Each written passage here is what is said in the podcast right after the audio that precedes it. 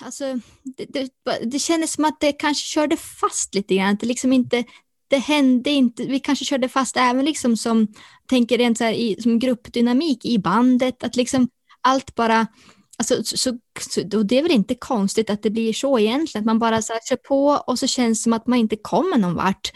Och vad nu det berodde på, det är ju svårt att veta, men att det, det ett tag så, jag liksom ville inte ut och spela och det var väldigt trist att känna så, för det har ju det brukar ju vara det roligaste liksom. Men det är väl det och det var väl där jag kände att jag måste liksom bara göra om någonting så att det ska kännas kul igen.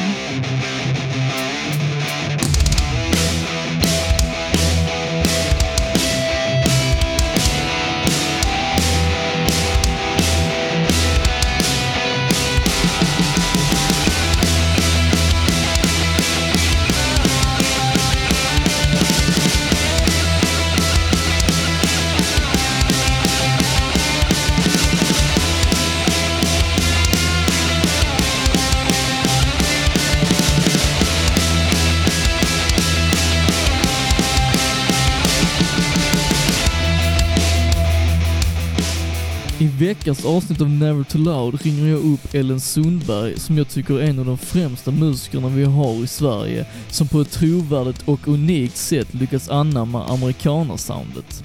Det blev ett väldigt ärligt samtal och Ellen visade sig vara en oerhört jordnära person som verkligen är intresserad av att djupdyka i detaljer kring hennes musik och hur hon är som artist.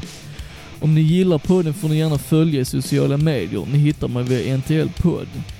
Det går även fint att stötta projektet på patreon.com slash nevertoloud där ni bland annat får tillgång till ett extra bonusavsnitt i månaden. Men nu är det dags. Veckans gäst, Ellen Sundberg.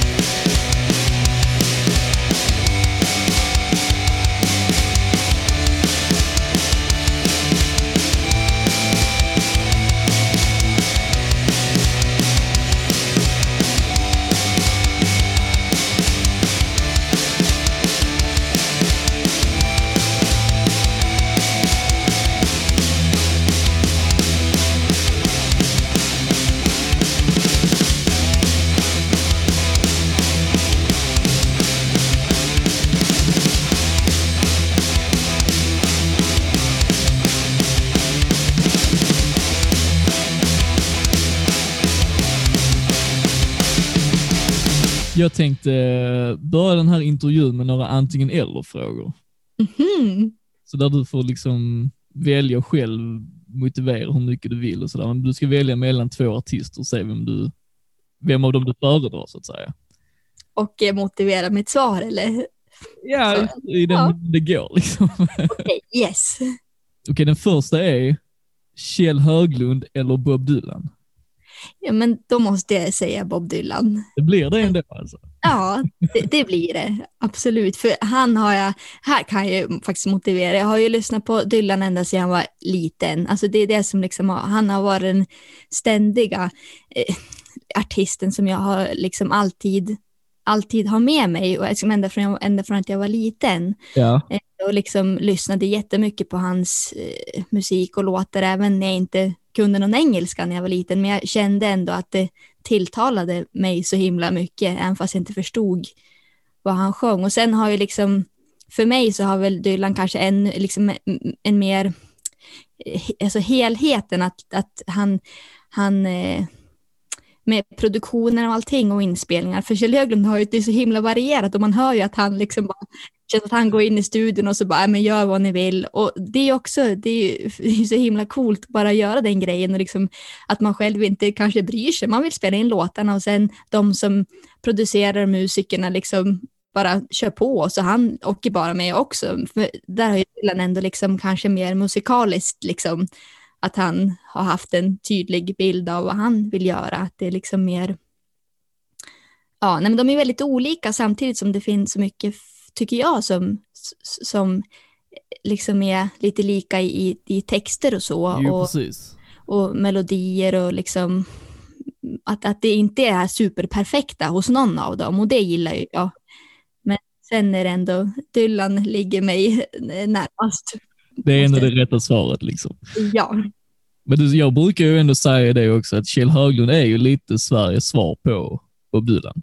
Ja, absolut. Du håller Absolut. med om det? Japp. Okej, nästa. ja. Dolly Parton eller Emmylou Harris? Så Jag har ju inte lyssnat på någon av dem så himla mycket, men jag, jag måste ändå säga att jag tycker Dolly Parton är...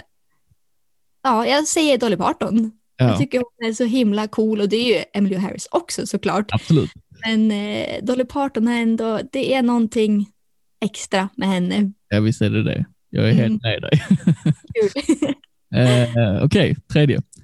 Johnny Cash eller Neil Young? Svårt ändå, då har jag lyssnat mer på Neil Young har jag gjort, men, men för jag tycker han, det, han, han är också det här liksom mer att han, jag tycker han är så himla cool och det är Johnny Cash också. De, men, men där är lite, det är lite svårt för mig där. Jag tycker att de, får, får man säga båda? Helst inte. Helst inte. Men då, men då säger jag Neil Young. Det blir det alltså? Japp. Ja. ja, men den är svår. Den är jättesvår. Ja. Eh, Okej, First Aid Kit eller Jill Johnson? Då säger jag First Aid Kit. Mm. Mm. Har du någon motivering? Ja, men jag tycker ändå, alltså jag tycker Jill Johnson kör ju verkligen sin grej och First Aid Ja. Kit sin grej, men, men Jill Johnson är, det är ändå lite liksom för nu båda ganska liksom, det känns som att alla, eller de tre liksom är ganska mycket perfektionister, att de liksom Ja. är väl, de har ju, det har de gemensamt, att de är väldigt sådär, det är så, och de är så otroligt proffsiga och allt låter liksom, det är så himla liksom, ja, det är perfekt liksom. Men sen tycker jag ändå att First Aid Kit har lite, alltså Jill Johnson kanske är lite, för min smak, lite för kommersiell. Mm. Alltså i, i soundet. Och nu är inte kommersiellt, det behöver inte vara något dåligt, men det är lite mer den countryn som är mer slick på något sätt, som inte jag har, som, ja, det är inte min grej riktigt. Nej. Nej, men jag Den förstår. är det. bättre eller sämre, men, men att för mig är First Ja. Aid Kit, då, då väljer jag dem. Ja, men de är ju verkligen fantastiska. Så att, eh. Okej, sista. Ja, Detta ska bli intressant för jag har verkligen ingen aning om vad du kan välja här. Eller kanske, men Elvis Presley eller Bruce Springsteen? gud vad svårt. Då har jag, ändå, jag har lyssnat mest på Bruce Springsteen av de två, Ja. men, men eh, oj. För jag säger nog ändå Elvis Presley. Det Ändå. blir det alltså. Ja, jag, jag måste nog säga det. Och vad beror det på? Ja, jag tycker att han...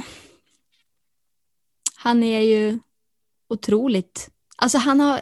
Det är så mycket mer liksom... Gud, det, alltså det är så svårt att motivera vissa saker. Men jag tycker att han har liksom... Ja, men he, hela... Äh, gud vad svårt. Men jag, det, var- det var bara liksom en känsla jag fick och Ja. eh, jag tycker att eh, det finns ju ingen som låter som Elvis. Nej, det är helt sant faktiskt. Han är unik, tycker Ja. jag. Är fortfarande väldigt unik trots att det är liksom Ja, 40 år sedan han gick bort. ja, men verkligen. Ja. Men du har lyssnat mer på Bruce Springsteen alltså? Ja. Jag, jag vet inte hur det har, det har liksom bara, bara blivit så av någon Ja. anledning. Det är kanske också mycket liksom vad man har, alltså det är olika för alla, men för mig kanske ändå att det har varit, alltså när jag växte upp och så hemma så var det, var det framförallt Dylan och Neil Young och Patti Smith och Buffy St. Marie och sånt där och inte så mycket Elvis, men, men jag, det kanske lite att det bara har blivit så av liksom vad, vad vi lyssnat på hemma och där har det varit mer Bruce Springsteen än Elvis. Så det kanske bara har råkat bli så. Ja, antagligen ju. ja, Men då vet jag i alla fall. det vet du. Jag var nästan framme när det inte längre gick Allt jag ville ha men inte fick När hjärtat och hjärnan inte vill samma sak.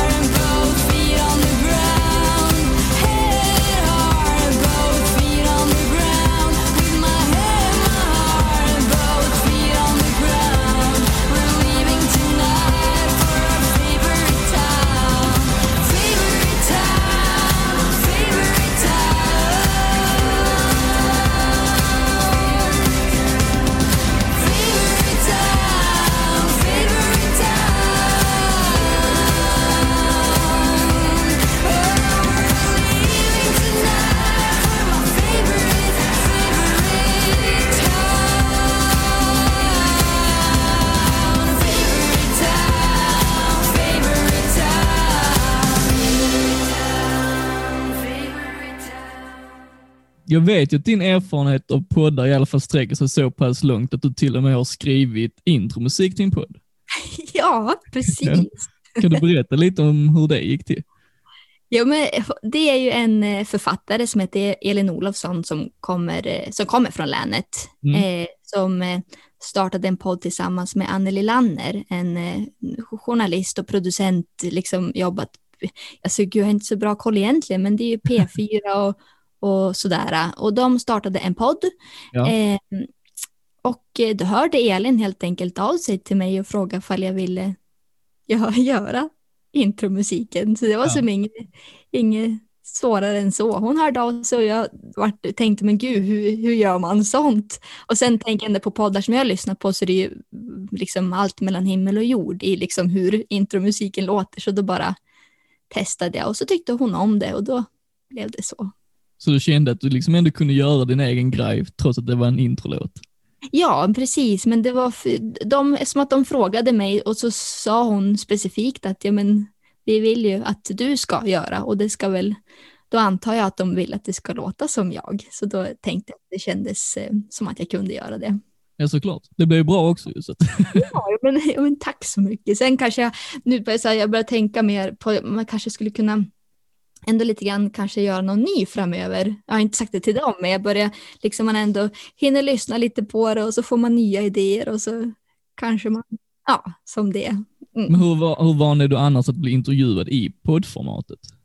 Eh, inte alls egentligen. Jag har varit med i den podden då. då. Eh, men sen har jag varit med i radio lite grann, så jag har ändå liksom pratat, pratat. Ja, det är ju liknande format. Ja, eh, alltså, undra om, ja men kanske, ja, Jan Gradvall, om det var en podd, eller, jo det var ju en podd såklart, eller om det var ett radio, men där var jag med. Eh, det var ju som en längre intervju, så det är väl, en, Ja. ja. lite radio och så. Ja. Men du, skulle du säga att du liksom föredrar det formatet där du kan ha en lite längre intervju än när det blir något kortfattat i textformat kanske? Ja men absolut. Och, och även liksom i radio, typ ja, men P4 och sådär. Att alltid, det känns som att det alltid är så kort om tid till allting jämt i men P4 och P1, eller liksom det, SR och sådär. Att det alltid, och även liksom på alltså SVT, det är alltid så det är alltid liksom en kamp mot klockan på något vis. Att man, man känner att man kan liksom inte utveckla, kanske säga allt man tänker, för man ser att de är stressade i blicken och då ska man liksom eh, börja avsluta. Så att det är jätteskönt att få, att få prata i lugn och ro. Ja, men det är ju lite det vi ska eftersträva här nu idag, tänkte jag. Ja, kul. Ja. Eh, med, med, ta, eh, med tanke på att du nämnde Jan Gradvall, han har väl sagt att eh, du och First Aid Kit är de bästa i Sverige på att anamma americana-soundet. Ja, men eh, något i den stilen har han ju sagt. Ja. Ja, Hur känns det att få så stora ord? Liksom? ja men det, alltså, det är alltid, det är lite, jag vet som inte vad man ska, vad man ska göra med dem. Alltså det är jätteroligt självklart att, Ja. att folk tycker, att, tycker om det jag gör, men sen är det svårt att liksom veta hur man ska, vad man ska, hur man ska liksom, jag vet inte, det är ju, det är jättekul, men sen vad man ska göra med de orden, det vet jag inte. Ja, men inspirerade dig till att liksom fortsätta eller?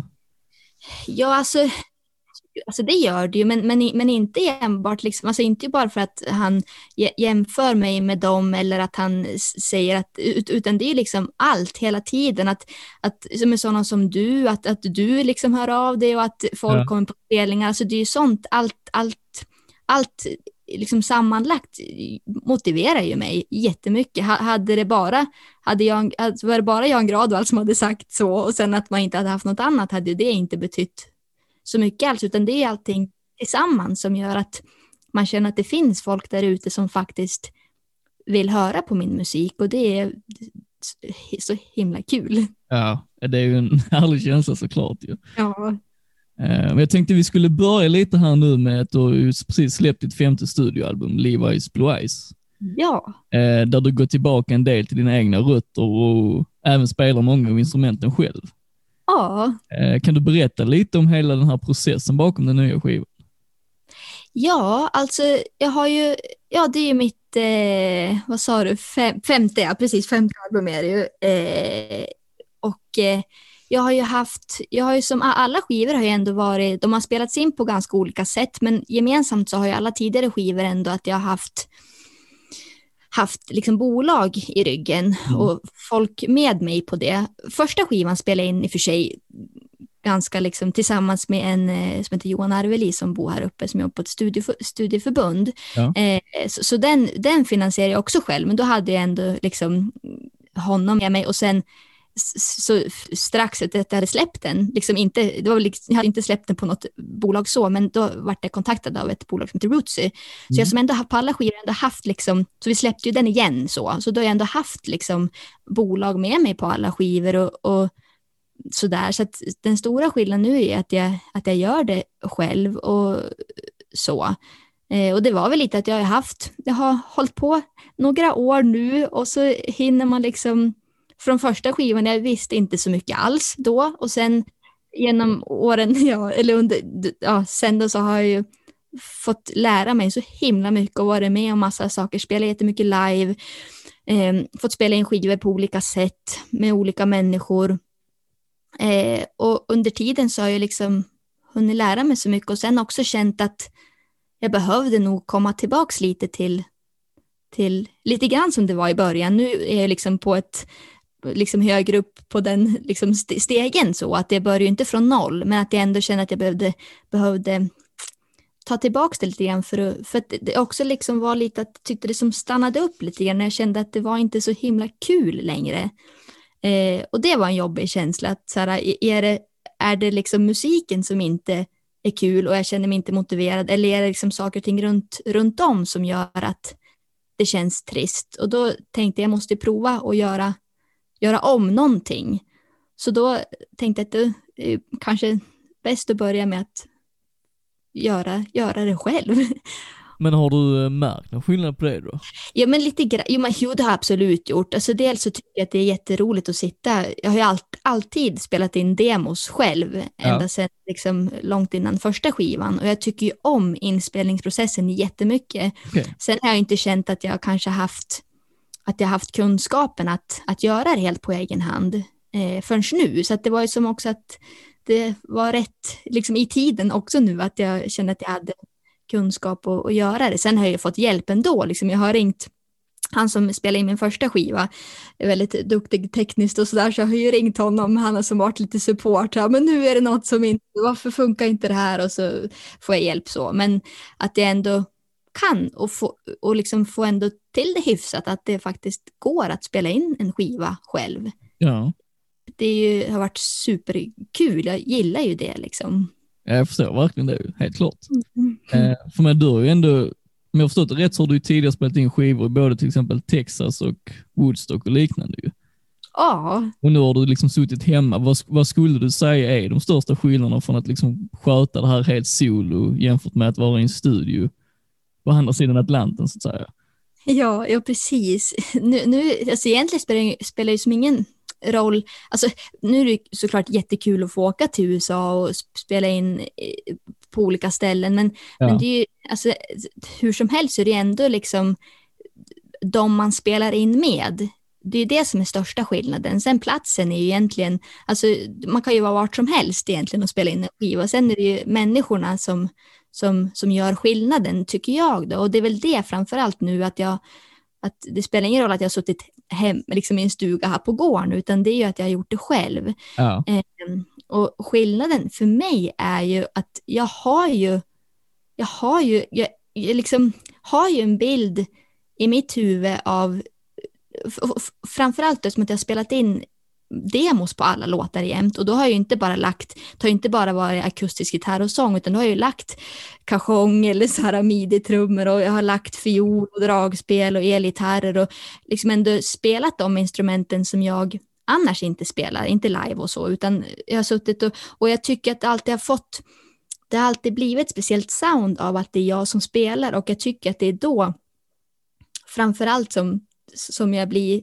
100% nöjd. Men sen har jag ju inte som sagt känt att jag har kunnat gjort det liksom på riktigt förrän nu. Så att det är väl det, att, jag, att när, man, när jag får sitta, nu hade jag kunnat spela de grejerna själv även fast jag spelar in med andra, men jag får liksom inte jag, när jag är själv då kan jag ju slappna av på ett helt annat sätt och jag kan hålla på hur länge jag vill och jag liksom att, att man aldrig känner pressen av att folk måste kanske gå hem klockan fem eller att det sitter andra gitarrister i rummet som jag vet är mycket bättre tekniskt. Ja. Men, men, och, och som, också, som också är superbra. Men, men det är ju, det kommer ju ändå tillbaks till det att det är inte förrän jag spelar det som det blir precis, precis som jag vill. Nej, För mig. Alltså bara. Så, att, så att det är ju helt enkelt eh, så. Ja. Nej, men jag förstår det helt och hållet. Ja.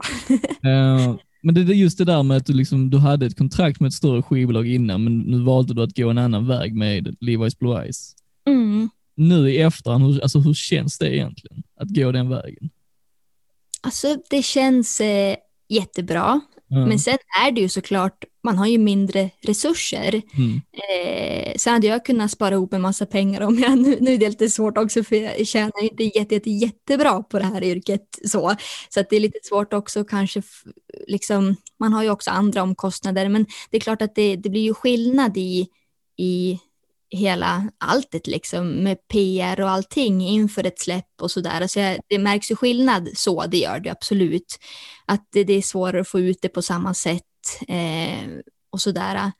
Men, men nu är det ändå mitt, mitt femte album och jag har ju ändå en, jag har ju en ganska bra bas ändå. Så att, så att jag kände att jag, jag har ju velat göra det här och jag är jätteglad att jag har gjort det. Och sen får jag se framöver liksom med nästa skiva kanske sådär att det, kanske, då kanske jag vill ha liksom mer igen och kanske att jag, inte vet jag, att jag försöker få något kontrakt igen, så det vet jag inte. Men jag kände att jag behövde göra en sån här skiva i alla fall och se hur det skulle gå. Så. här och nu var detta det, det rätta att göra. Liksom. Ja, precis. Ja. Men eh, jag läste på din hemsida att du tycker låtarna på den senaste skivan är lite starkare och mer personliga än tidigare. Ja, På vilket sätt är de det? Ja, det är också sådär. att Sen är det också så mycket liksom vilken period i livet man befinner sig i. Och att, att varje skiva är ju som ett litet tidsdokument för, för vad, vad jag var, liksom vem jag var då. Nu tycker jag inte att jag har förändrats så mycket, men ändå man, liksom, man är ju med om olika saker och lär sig mer och träffar nya människor och allt sånt där. Men att, det är dels tycker jag att jag har, jag tycker att jag, eller alltså kanske inte bättre, det, det, är svårt ändå, men jag, jag tycker att jag har ju liksom, jag tycker att jag är bättre på att formulera mig. Eh, och jag tycker att jag, jag liksom gör ändå, det är kanske framför allt att de passar mig mer där jag befinner mig nu. Och det är inte så konstigt heller att det liksom Nej, är att man förändras, men, eh, men jag, jag, jag, jag, jag tycker att de är, nu är det också lite mer kärlekslåtar på den här skivan än vad jag haft tidigare. Och det är Ja. liksom också mycket att det har hänt grejer i livet och sånt. Och det är klart att då blir det ju lite starkare för mig. Eller att, de, att det liksom finns mer, ja, alltså, för det är också det när man skriver, eller när jag skriver låtar, att det grundar sig nästan alltid, alltid i någonting som har hänt, eller liksom no någonting riktigt. Men sen just det här att skriva musik och text och låtar själv, det, är ju, det jag tycker om är ju att man är fri i det och man kan liksom allt måste inte vara sant, allt måste Nej. liksom, men sen har jag allt, alltid grundat sig i någonting sant och sen kan man liksom spinna vidare på det och kanske hitta på, liksom, att man hittar på grejer. Men jag tycker att jag har varit mer, liksom, jag har inte svävat iväg lika mycket i texterna på den här skivan, utan de är mer, det är liksom hela, att, att, att det är kvar, att jag som inte hittat på så mycket. Okej. Så att det kanske, det är väl det egentligen som gör att Du de... menar att texterna kanske är mer rotade i din egen vardag så att säga? Ja, helt och hållet liksom istället Ja. för att Sen har jag såklart att man liksom väver ju in det i, i andra ord ändå och så, men, men inte lika mycket som förut skulle jag nog vilja säga. Det är kanske är det du menar? Ja, ja, ja men nu fick jag sätta ord på det riktigt. Så att det, ja, precis, det kan vara så. Ja. Men hur går du tillväga när du ska skriva texter? Alltså hur hittar du liksom grundpelarna till att bygga upp en text i den melodin som du har skrivit? Ja, alltså jag gör ju näst, nästan alltid på samma sätt och det brukar vara att jag sitter och klinka lite på gitarren eller på pianot eller sådär. Att jag sitter och, och sen hittar jag en ackordsföljd kanske och sen så börjar jag nynna till det och sjunger så här låtsas engelska bara för att liksom hitta, hitta vad, hur melodin ska vara och, och liksom, ja, hur, hur, hur det liksom ska vara. Och sen efter Ja. det så brukar jag börja skriva och då brukar jag kanske som, då kanske när jag sitter där och, och sjunger den här låtsas engelskan och hittar, hittar melodierna så kanske jag får in en mening som bara kommer liksom, som Mm. passar bra till det. Och så kanske det är någonting som jag kan spinna vidare på. Så det brukar väl börja så att det är något ord eller mening i det och sen från det så skriver jag resten. Så att ofta det blir också lite grann det här med liksom, med inspiration och så bara kanske ploppar upp något ord Ja. och så bygger man vidare på det. Så oftast flyter det mest på liksom. Ja, jag skulle väl säga det. Ja, Mm. Det är ju skönt. ja absolut. Och sen ibland så har jag kanske att jag har, att jag har hört någon fras eller någonting. Men till exempel så nya skivan heter Levi's Blue Eyes och det Ja. är en låt på skivan som heter det. Och där hade jag väl inte, där var det väl tvärtom. För i, Okej. de få gånger det blir så, men då var det eh, i fjol, året innan, så var jag ute på en eh, julturné tillsammans med några andra jämtländska eh, band och artister Ja. eh, i Jämtland. Och då åkte vi buss tillsammans runt till alla ställen och så satt jag bredvid en artist som heter Safora Safavi. Eh, och hon eh, är uppvuxen här men hon bor i Stockholm nu. Men då i alla fall så, så satt vi och pratade som man gör och så sa hon och så kollade hon på mig så men gud vilka blå ögon du har. Och så sa hon Levi's eyes. Och så sa hon men det är ju en låttitel det sa hon. Så haha ja. Och sen var det så inget mer med det, men sen jag skrev ändå upp det, för jag brukar som, ändå anteckningar i telefonen så där, så skrev jag upp det. Och sen när jag satt med och spelade in skivan nu i våras, eller i, ja, i fjol, eller nu i februari, så Ja. kom det där tillbaks. Så sen så tänkte jag kanske inte ska, ska prova skriva någon låt kring det. Mm. Så att den kom ju till på ett annat sätt, då, att jag hade, hade en fras liksom, och Ja, sen precis. gjorde jag mm, det utifrån det. Ja, Jag tänkte lite på det titelspåret av Levi's Blue Eyes, att var, den, alltså, var det kommer ifrån. För alltså, är det att du Ja. Sjunger om dig själv eller vad ja, det kan man precis. Nej, men då, då sa hon ju så. Eh, och medan hon ju Levi's, alltså som i jeans, jeansfärgen, att det är blått och Precis. såklart. Men då, handlade, då vart det att låten handlar ju om henne. I, i, i princip. Ah, Okej. Men att hon, och att hon sa det till mig. Så jag sjöng inte om så, åh gud vad jag har fina ögon och sådär, utan det var, det, den handlar om henne och eh, att det är hon som säger det till mig. Det var liksom verkligen hela den händelsen som blev en låt. Liksom. ja, jag menar precis, Ja. precis. Och Ja, det, är det, ja, det är jäkligt häftigt faktiskt. det är kul när det, när det blir så. ja, verkligen. ju. Mm. Eh, när jag lyssnar på dina skivor i följd så känner jag ju verkligen att jag får följa med dig i, processen av att utvecklas både som artist och låtskrivare. Ja, Eh, vad coolt. Är det något du själv känner när du reflekterar över din karriär? Ja, alltså jag verkligen. Jag tycker ju, alltså jag, jag gillar ju alla mina skivor och alla tycker jag har liksom, de låter liksom på, på olika sätt allihopa och, och att jag har ju verkligen utvecklats jättemycket. Alltså verkligen, det, det tycker jag. Eh, och, det, och det är ju kul att man känner att man inte liksom har stannat någonstans utan att man hela tiden, för jag tycker första skivan tycker att jag låter som att jag är så inte vet jag, 12, år- 12 år gammal eller sådär. Det måste jag- faktiskt säga att jag gillar verkligen liksom den nybörjarcharmen på. Ja, ja. ja, men det finns ju något, något fint i det såklart. Sen, sen ibland så, åh herregud, typ så här, vissa, så här liksom hur man också hur man ut, alltså uttal och allt sånt där. Eh, att då tyckte jag att det lät bra och sen, sen hör man ju liksom eftersom att man blir bättre och bättre på, på massa saker och att det är så att ibland kan jag tycka att det är lite, eller nej, det är inte jobbigt att lyssna på de tidigare skivorna men man känner ändå att så här, oj vad jag är mycket bättre Ja. nu. men det är också skönt. Ja, det är ju lite halva nöjet väl på ett sätt. Ja, ja men absolut. Ja. Men skulle du säga att du är mest stolt över den senaste?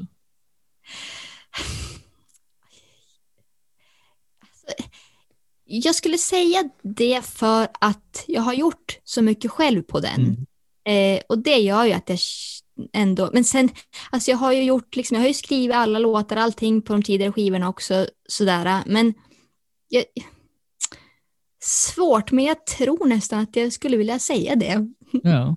Ja, Ja men det förstår Ja. jag. Det är en kanonskiva. Så att, men tack så mycket. Eh, Men jag tänkte, när, när väcktes ditt intresse för musik generellt? Ja, men jag har ju jag har alltid lyssnat på musik hemma sådär. Ja. och så brukade jag stå, stå i köket, vi hade som en trälåda som var i köket och så brukade jag stå på den och eh, mima jättemycket och spela eh, gitarr, luftgitarr. och eh, både till liksom, framförallt Dylan och Sofie Selmani lyssnade jag jättemycket på när jag var liten. Alla hennes, så hon har ju också liksom funnits med hela tiden. Ja. Eh, Men då stod jag där och mimade och sånt. Och sen eh, så var jag gick i fyran, då är man, vad är man ni, ni, nio, tio, tio kanske. Någonstans där ja. Och då var det en lärare på skolan som eh, hon, hon spelade gitarr och sen så erbjöd hon sig att ha gitarrlektioner för de som ville bara liksom sådär på rasterna. Och då ville jag det. Och det var väl där det började egentligen, att liksom började, började spela gitarr Okej. och sen fortsatte det. Och sen så kom det ganska naturligt, för det är ingen i min familj som, det är ingen som spelar eller så Nej, nej. hemma så, mina föräldrar eller sådär. Um, så att eh, jag satt ju på mitt rum och spelade och spelade och sen när jag liksom kunde, när jag hade lärt mig flera ackord, så började jag sätta ihop liksom så att jag kunde spela en låt och sen skrev jag text till det. Så att det, det bara, det liksom, jag, jag hade som aldrig någon, jag hade inte bestämt att jag skulle göra något, utan det bara, det blev liksom bara så. Ja. Men jag som aldrig eh, förut heller, eller förut så att jag tänkte att jag skulle, jag har som inte sett mig själv som en som håller på med musik, eller som, som en musiker, utan jag har som alltid, för ända sedan jag var liten, varit ute till fjälls och i skogen och varit, liksom, åkt mycket skidor och det är som det som jag har, jag har identifierat mig som en sån person som liksom eh, sådär, eh, för det har varit mycket det. Och sen tog det ganska lång tid innan jag kände att ja, men, jag är ju faktiskt jag är ju faktiskt musiker nu och jag är ju artist. Ja. Men att det tog liksom jag, jag har som aldrig planerat någonting. Det är, som, det är som att det ändå är någon slags drivkraft jag har som jag inte som jag inte kan göra någonting åt, som liksom bara ligger där och trycker på hela tiden. Så liksom, eh, ja, på något sätt, så att det har som bara kommit, kommit av sig själv på något vis. ja. Mm. Men det är ändå intressant för man tänker att från dem, liksom, eller det perspektivet, hur, hur går man egentligen tillväga till att faktiskt, okej nu ska jag släppa en skiva? Ja, ja. Jo, jo, men jo, det var ju att jag var med. Det finns ju en tävling som heter Musikdirekt. Mm. Känner du till kanske? Jag För- varit med där faktiskt. Ja, men vilket kul! Det, har ju funnits i, i, alla, i hela Sverige, men Ja. nu har den inte, de la ner den här i Jämtland för mm, ett, två år sedan nu, för att det, ja, det har liksom mindre, att det är mindre som är med och Ja, gud vad Det- tråkigt. men svårt att liksom driva den grejen för det var ändå, ja, det, ja, det jättetråkigt verkligen. Men jag var, när jag var med, då var det ju, jag tror att det hade sin storhetstid här, här då i alla fall. Det var liksom, var detta? det var 20, då gick jag på gymnasiet, det var sju- 2000, eh, 2009 och 2000, nej 2010 och 2011 var jag med. Mm. Det var samma år som jag var med.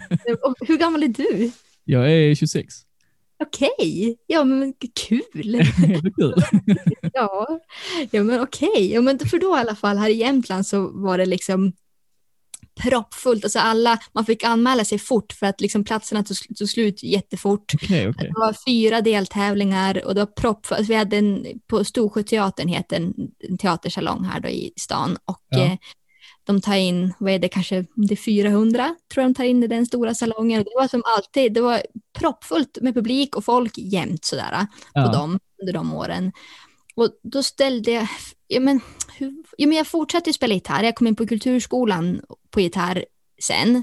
Ja. Eh, och eh, så började jag spela och sen så, och så fick jag en gitarrlärare som hette Ove Madsen på kulturskolan här och han var verkligen sådär, han började ju ge mig läxor sådär, mer att, för jag är ju verkligen inte tekniskt duktig på, på, på att spela utan det, jag går mest på feeling och jag kompar ju mest mig själv när jag är sådär. Och då så gav han mig läxor och så märkte han väl att jag inte var så bra på dem och att jag hellre liksom ville spela alltså, låtar och sånt som jag själv hade gjort.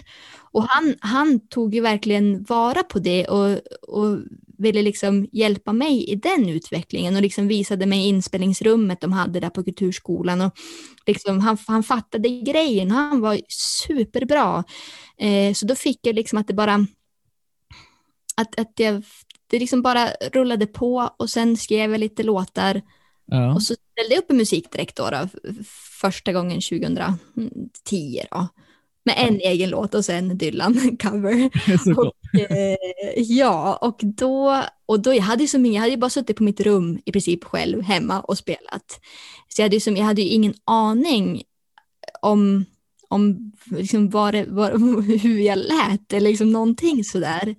Eller liksom hur, hur andra, så jag verkligen visste, visste ingenting så. Jag visste att, det, att jag sjöng, jag hörde att jag sjöng rent, att jag inte liksom sjöng surt på något vis. Det visste jag. Och sen var jag med där och så gick jag vidare till final. Eh, och sen gick det inget, sen kom jag inte, jag vann inte eller så, men bara av att liksom komma till final för mig då som inte jag hade, visste verkligen, och så var det massa, för jag gick ju inte musik på gymnasiet, jag gick samhälle, språk. Så jag liksom hade ju verkligen ingen aning och att jag gick vidare då, det triggade, alltså det satte ju igång någonting Ja jättemycket. men det är ju en push verkligen. Ja, att man säger okej, men då kanske om man läste liksom, man fick de här eh, omdömet från juryn och så då började jag skriva massa låtar och så året efter var jag med igen och gick vidare till final och sen vann jag inte men jag fick ett pris och det var att spela in i Sensus studio en dag. Eh, alltså en, en endags studio, att jag fick vara Ja. i studio och så. Och då, det, var, det bara tog som fart, det vart som helt så super, det bara, och så träff, då träffade jag också folk som Johan Arveli då, då, som spelade in min första skiva, det var han, han var med som tekniker där på, på Musik Direkt och det var han som spelade in sen och så bara började jag få lite spelningar och så via Sensus och så bara, det bara som rullade på. Så det är verkligen att det bara blev så helt enkelt. Ja, och sen är det klart att jag har ju velat det också, att annars skulle det inte ha hänt någonting, men att det liksom all- allt föll sig så, att det liksom vart triggad och jag skrev massa nytt av det och sen ledde det ena till det andra. Just det att, ja men det är ju det, träffar man folk, för jag, jag kände ju ingen i branschen då. Jag hade ju som, alltså inte, ja min musiklärare och gitarrlärare på kulturskolan, annars ingenting liksom. Så då, alltså bara att man träffar folk som håller på gör ju också att, ja, du, du vet ju då hur det är liksom, att man bara, det, Ja. och så någon som så här, ja men vi vill ha någon musik på den här tillställningen och så frågar de de som vet lite i stan och så tipsar de om mig och så fick jag fler spelningar och fler spelningar och sen frågade jag ifall han Johan ville vara med och kompa och så ville han det på några spelningar och sen bara så här vart det mer och mer, ja så. så det Men han du som- liksom reflektera över att det är detta du vill göra? Alltså, det är klart att det liksom tände, alltså att man liksom fick en liten sån här, ja men kanske att jag kan få ännu fler spelningar och jag kanske kan liksom, att man började tänka så, men jag, Ja. alltså, jag, det är ändå liksom svårt att tänka sig att man ska, ska kunna, alltså, jag tänkte väl inte så mycket, jag var nog ganska mycket ändå så här, jag, jag gör den här grejen och så får vi se vad det blir och sen blir det det här och sen spelar jag in en skiva, ja men gud vad kul och jag var jättenöjd med den och sen ringde ett bolag, eh, Rootsy, som ville signa mig då efter första skivan och sen, det är liksom, ja, det är svårt att säga liksom, det bara, det, det bara blev. Men hur lyckades den första skivan sprida sig så pass mycket att du till och med liksom blev uppringd av ett skivbolag? Jo men gud, det är en person som hela tiden har liksom legat, lega, han har alltid varit i bakgrunden men det, han har gjort jättemycket. Han heter Christer Jarlås, är åklagare eh, och, och har, men jättemusik, alltså han är jättemusikintresserad, hade en, eh, han och några fler eh, hade en, eh, som en musikförening som arrangerade spelningar här i stan och bokade hit artister och sånt. Och han var supermusikintresserad, eller är fortfarande. Och det var, han skickade den här skivan och berättade om mig. Han liksom hörde av sig till Rootsy, då, då, det bolaget jag var på då. Eh, för de hade ju bokat artister via dem, för det var också en, liksom, eller de är också en mm, boknings, alltså agentur, att de liksom tar hit amerikanska artister och sånt, Ja. som då den här föreningen bokade många av. Så han hade kontakt med honom, så han skickade min skiva och berättade om mig för Björn då på Rootsy. Mm. Och sen hör, lyssnade han på skivan och så tyckte han om den och så ringde han och så sådär. Så att det var ju lite samma den här Christer Jarlås, då, åklagaren, då när jag, när jag var signad med BMG, då var det att Christer skulle, han skulle flyga till eh, New York och gå på någon konstutställning för några år sedan och så skulle han gå och sätta sig på planet och så satt en person på hans plats och då var det han som var vd för BMG i Sverige då, Sanken, Sankvist, satt på hans plats. Och så bara, oj ursäkta, men ni hoppar in här. Och så satt de bredvid varandra och började prata om musik och pratade hela vägen och så hade Christer då sagt, men lyssna på Ellen, och hade pratat om mig då. Och sen så vart det att jag varit signad på BMG. Så alltså, han har liksom hela tiden liksom varit, varit med på och liksom fått de här kontakterna hela tiden. Så jag har honom att tacka jättemycket för och han har liksom aldrig varit, aldrig krävt liksom, eller han som aldrig jag visste ju som inte knappt om det där ens förrän eh, Björn då på Rootsy berättade att det, men det är Christer som har liksom, jaha, oj, sådär. Så att, så att man, man, man, det är klart man klarar mycket själv, men man måste ju också, alltså man behöver ju också andra människor till mycket eh, saker. Så det är liksom, jag har ju jättemånga att tacka för allting, verkligen. Eh, vi måste såklart prata lite Kjell Höglund också. Ja, Hur fick du egentligen idén till att göra en coverskiva på hans musik? Jo, men det var också, jag hade inte lyssnat så jättemycket på honom. Jag hade ju hört liksom de här, jag hade ju hört liksom Genesets sjö och En stor stark och Man vänjer sig och sådär. Men jag var Ja. liksom inte, jag var, hade ju inte, var inte insatt egentligen så. Men de här låtarna ändå, det, det var något speciellt med dem, det kände jag. Att, de, så här, Ja. och att det också med Kjell, att det är så, det är så, liksom, så märklig kombination av allting på hans, då att det är så här, hans röst tillsammans med de här 80-talsproduktionerna som är på många skivor och det är bara så här, och liksom texter som, som de flesta inte skriver, inte i Sverige tycker jag i alla fall, eller svenska. Att det, det är så märklig liksom märklig grej bara, att man bara liksom försvinner in i det av att det är så speciellt Ja. eh, och, och tilltalande också, men att det är bara liksom, det är ingen som låter som Kjell.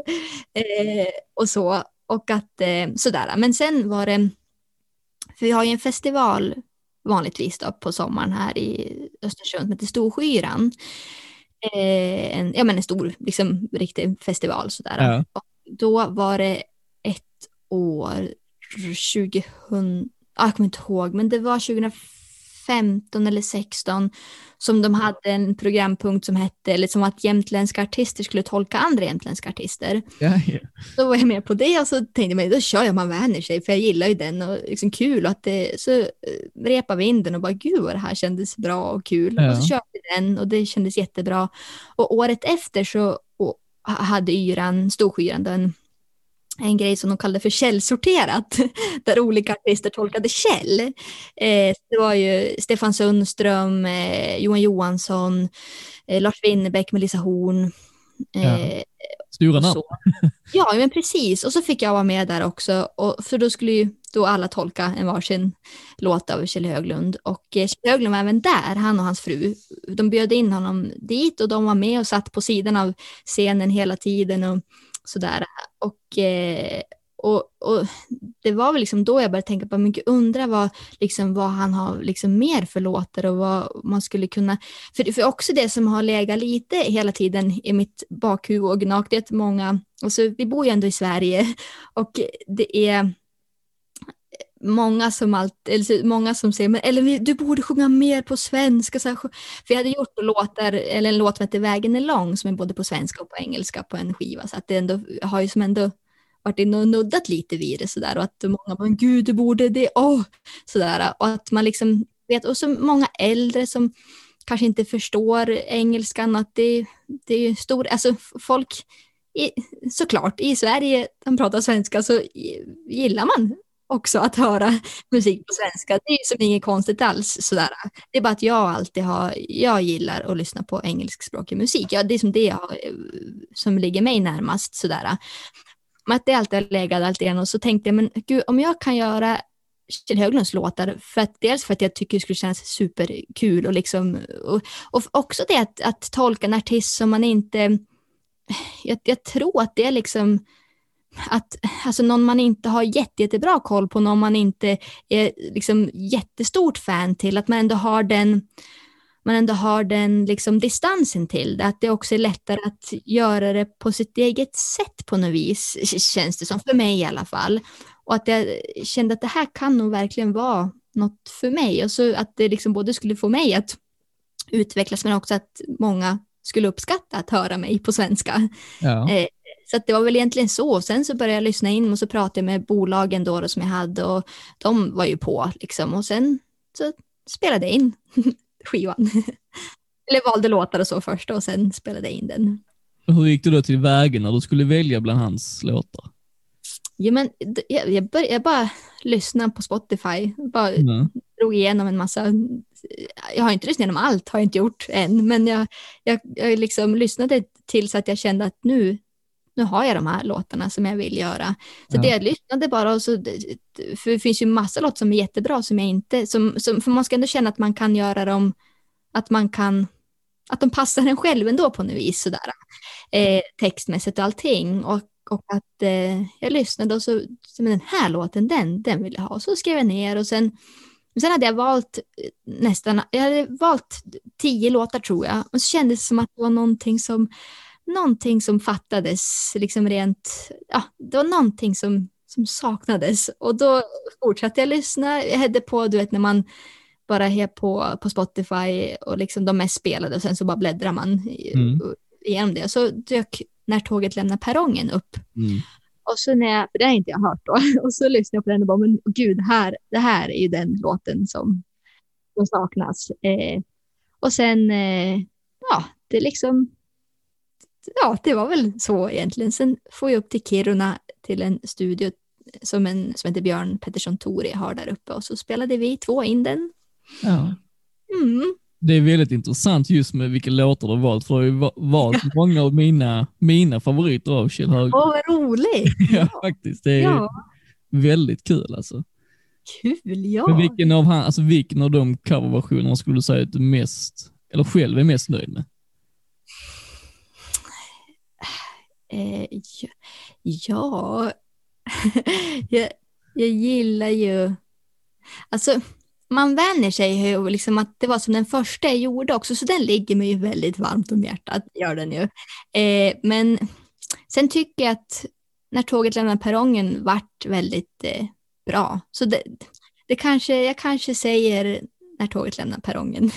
Jag är nog eh, beredd på att hålla med faktiskt. men det är kul, kul. Ja. Det är inte första gången. Den här känslan av att vara ett fallande löv i vinden. Som när någon sticker hål på den vackraste ballongen. Just när tåget lämnar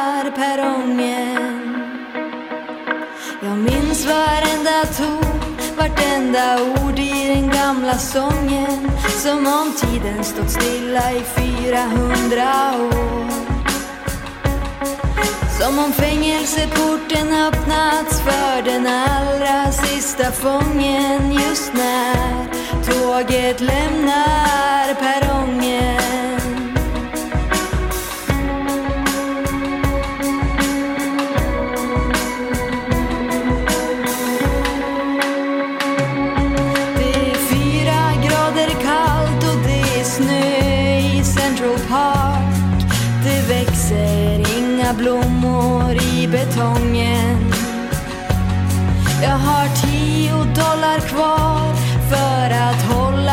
Fingerstången stången just när tåget lämnar.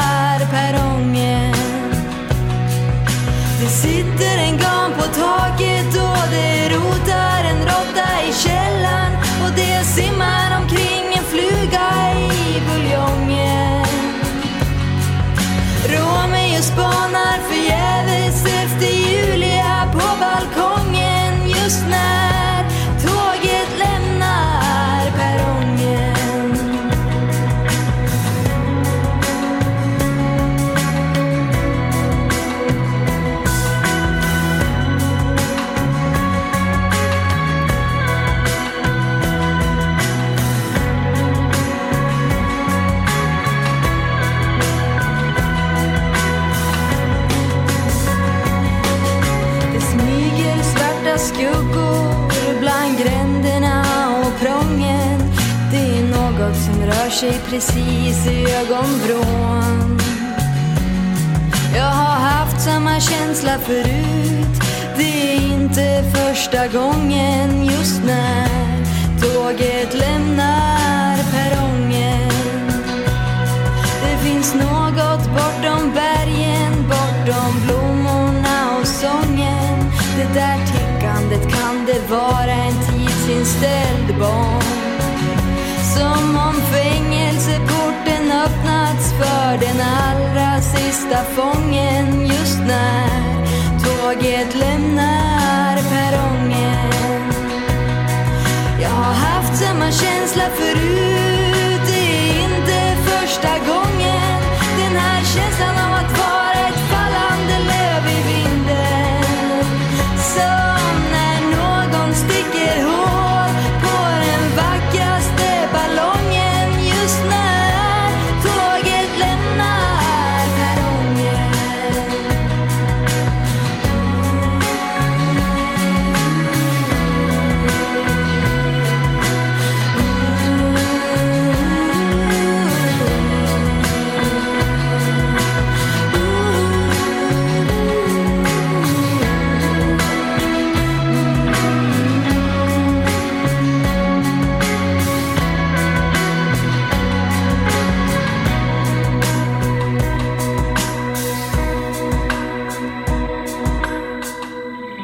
är, eh, är den du sålde min biljett, är det din mest framgångsrika skiva eller hur är det egentligen? Ja, det, ja, det, det är den. Det är det alltså?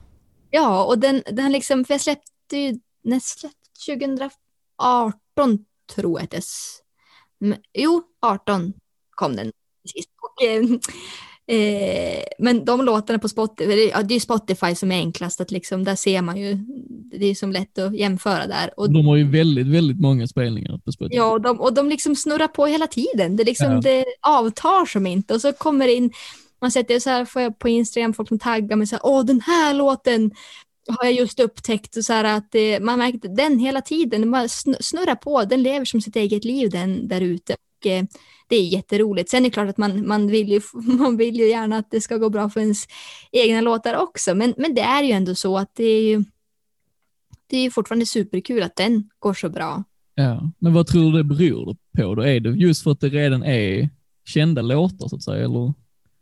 Alltså delvis, det, ja absolut. Sen också att det är på svenska. Alltså att, att Ja. jag har gjort någonting. För det är ändå sådär att, att eh, Kjell är ju så himla cool och egen och allt sånt. Men det är fortfarande Ja. många som kanske, att, men det är ju som alla artister, men en del, att, alltså, att, att man kan gilla en cover bättre än originalet för att man, man liksom har svårt att mm, ta till sig det från liksom originalartisten. Att det, och att jag kände ändå att det här är ju som, för det finns, han har ju så mycket bra låtar Kjell och han har jättemycket fans.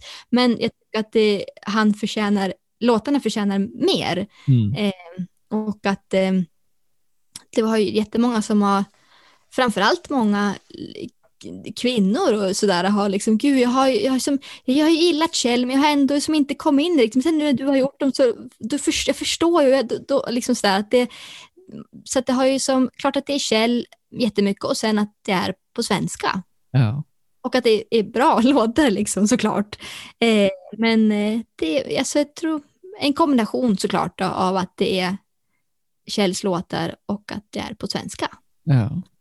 Mm. Jag tror nu faktiskt på något sätt att dina versioner av hans låtar kanske är lite mer lättillgängliga för gemene man på något Ja sätt. men precis, jag tror också det. Ja. Absolut att det liksom, ja. Och det är ju så himla fint att man kan göra. Att, att en låt kan låta på så många Ja. olika sätt. Och att man liksom får, kan göra om dem, fast de ändå liksom är, är den låten den är. Men det, det är ju fint att man kan, att låtar kan vara på så många olika sätt. ja, visst är det det. Mm. Tänker, Har du, alltså, har du hört någonting från Kjell? Har han hört dina versioner? Eller? Jo, men, jo, det har han. Och, eh, men det är ju hans fru Claire som sköter alla. Liksom. För jag, jag har inte velat, för jag har ju, klart jag har kunnat få tag på hans nummer och ringt honom, men jag, jag, jag, är väl så jag vill som inte, jag vill inte liksom eh, störa för, för folk. Och så har jag, jag har ju lyssnat på hans, han har ju sagt att han är, liksom, han är ju färdig med det och han är så nöjd med liksom allting och sådär. Att jag som inte, men jag har ju jag, jag frågade, jag liksom hörde av mig och kollat allt, liksom att eh, jag berättade att jag gjorde det och liksom det som aldrig varit några konstigheter. Men jag har ju inte liksom, men sen är det hans fru, hon har ju Facebook och så, så där har vi ju, hon har skrivit när de fick, eh, för jag, jag, de har ju fått mina skivor, Ja. eh, skivorna, vinylen och CDn och liksom har hört av sig när de hade fått den och så tack så mycket, vi har lyssnat nu och det är sådär, att de tycker att det är bra och ja. Att, eh, jag har fått, jag har fått liksom, respons på det och eh, Det måste ju verkligen kännas hedrande. Absolut, verkligen. Ja. Det var också lite sådär när jag gjorde den, så här, tänk om, men som Kjells fans kallas, uh, Kjellheads. och att man, man vet ju som aldrig, så, alltså, vad man än gör för cover så känns som att det är kanske att folk man vet folk kanske blir jättearga och tycker att man har du så här, förstört låtarna och sådär. Och lite finns det väl, även fast jag står för det jag har gjort och jag är nöjd så är det ändå klart att man undrade lite så här, undrar om det, det kan kanske inte mottas bra alls liksom av alla dem. Och, men det har, varit, det har varit så himla mycket fin respons från liksom alla håll och kanter så att jag är jätteglad för det. Att det för man, hur den är, även fast man är nöjd med saker och ting själv så behöver man ju ändå höra från andra för att liksom att det ska, så är det ju. Så att det har varit jättekul att den varit så uppskattad, Ja. verkligen. Du nämnde ju eh, nyligen din, eh, din låt Vägen i Lund, Ja, där du blandar ju eh, svenska och engelska. ja. Eh, Det är för övrigt en av mina favoritlåtar av dig faktiskt. Men- Bara för Kul, tack. Ja. Eh, men jag tänkte på det, det är lite märkligt, för hur, varför kommer det sig att Sten Bergman står som låtskrivare av den på Spotify?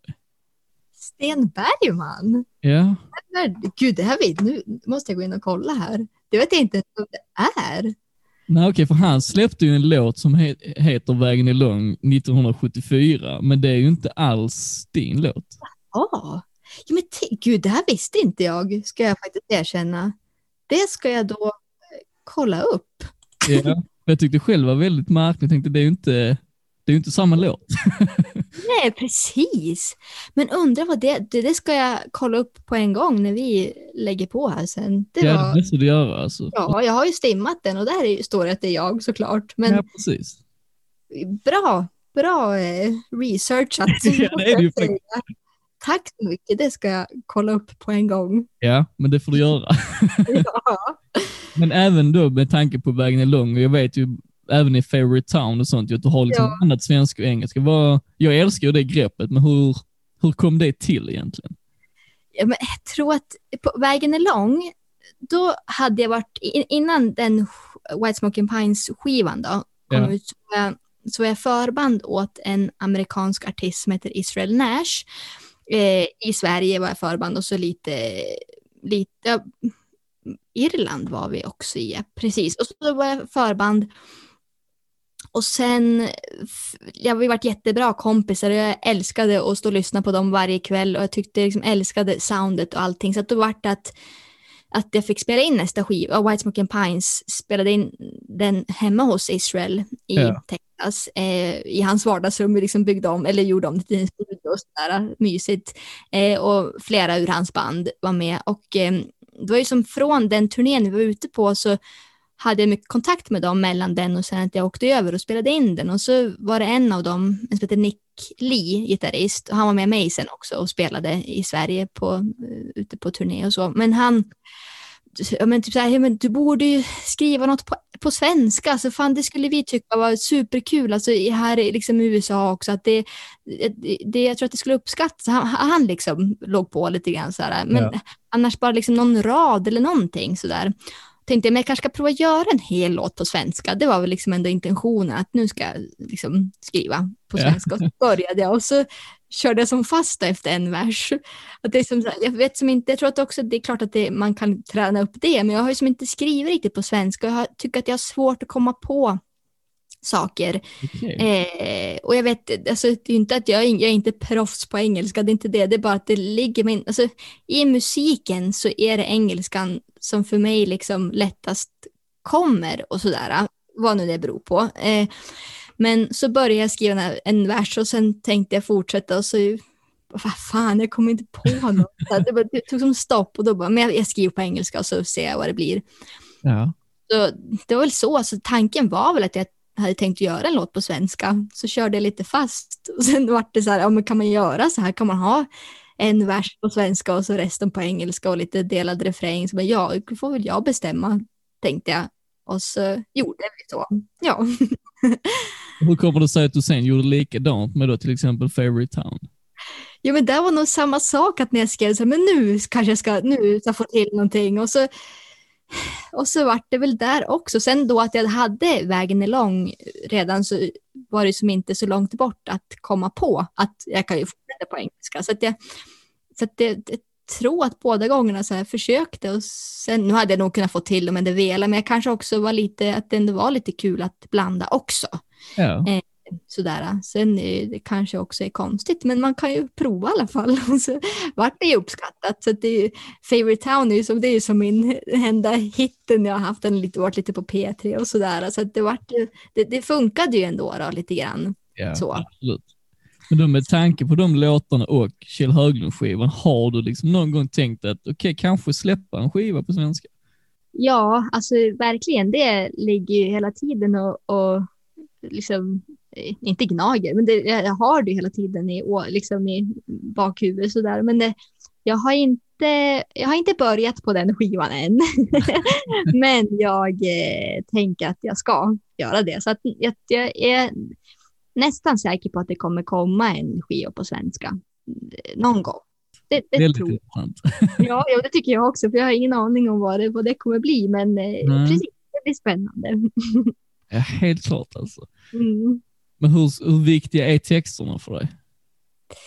Texterna är jätteviktiga. Ja. Eh, även när jag själv lyssnar på annan musik så är det ju, alltså musiken, alltså det det är ju lika viktigt tycker jag. Alltså att musiken och, och produktionen och allting måste ju liksom överensstämma på något sätt med texten, att, att Ja. de liksom är likvärdiga. Att det kan som inte vara en, och nu allt, alltså allt är ju relativt och smaken är som baken, men, men att om man kan säga så att det kan som inte för mig vara var liksom en tråkig eller trist eh, melodi och sådär ifall texten är liksom jätte, jättebra, eller kan, men, men det blir, då, då, då, då kan inte jag liksom, då, då tappar det så mycket, så att de är ju, det är jätteviktigt båda, båda delarna, men texten absolut, och den tar ju för mig och de flesta tror jag längst tid, eller de flesta, men många, att Ja. texten tar ju ändå tid att göra klart, så att det, är viktigt. Helt klart ju. Ja. Men vad, alltså vad, vad brukar vara ursprunget till dina texter? Så ofta är det ju att jag har varit med om någonting eller att någon har sagt någonting eller att man har... Att, att ofta så grundar sig allt liksom i, i någonting som har hänt. Ja. Det brukar inte att jag skriver en låt direkt när det har hänt utan det kanske dröjer en... Det kan dröja liksom en vecka eller några månader eller längre eller sådär. Ja. Det känns som att det kanske måste liksom genom någon process i huvudet och sen när man har en melodi som kanske känns som att den stämmer överens med det.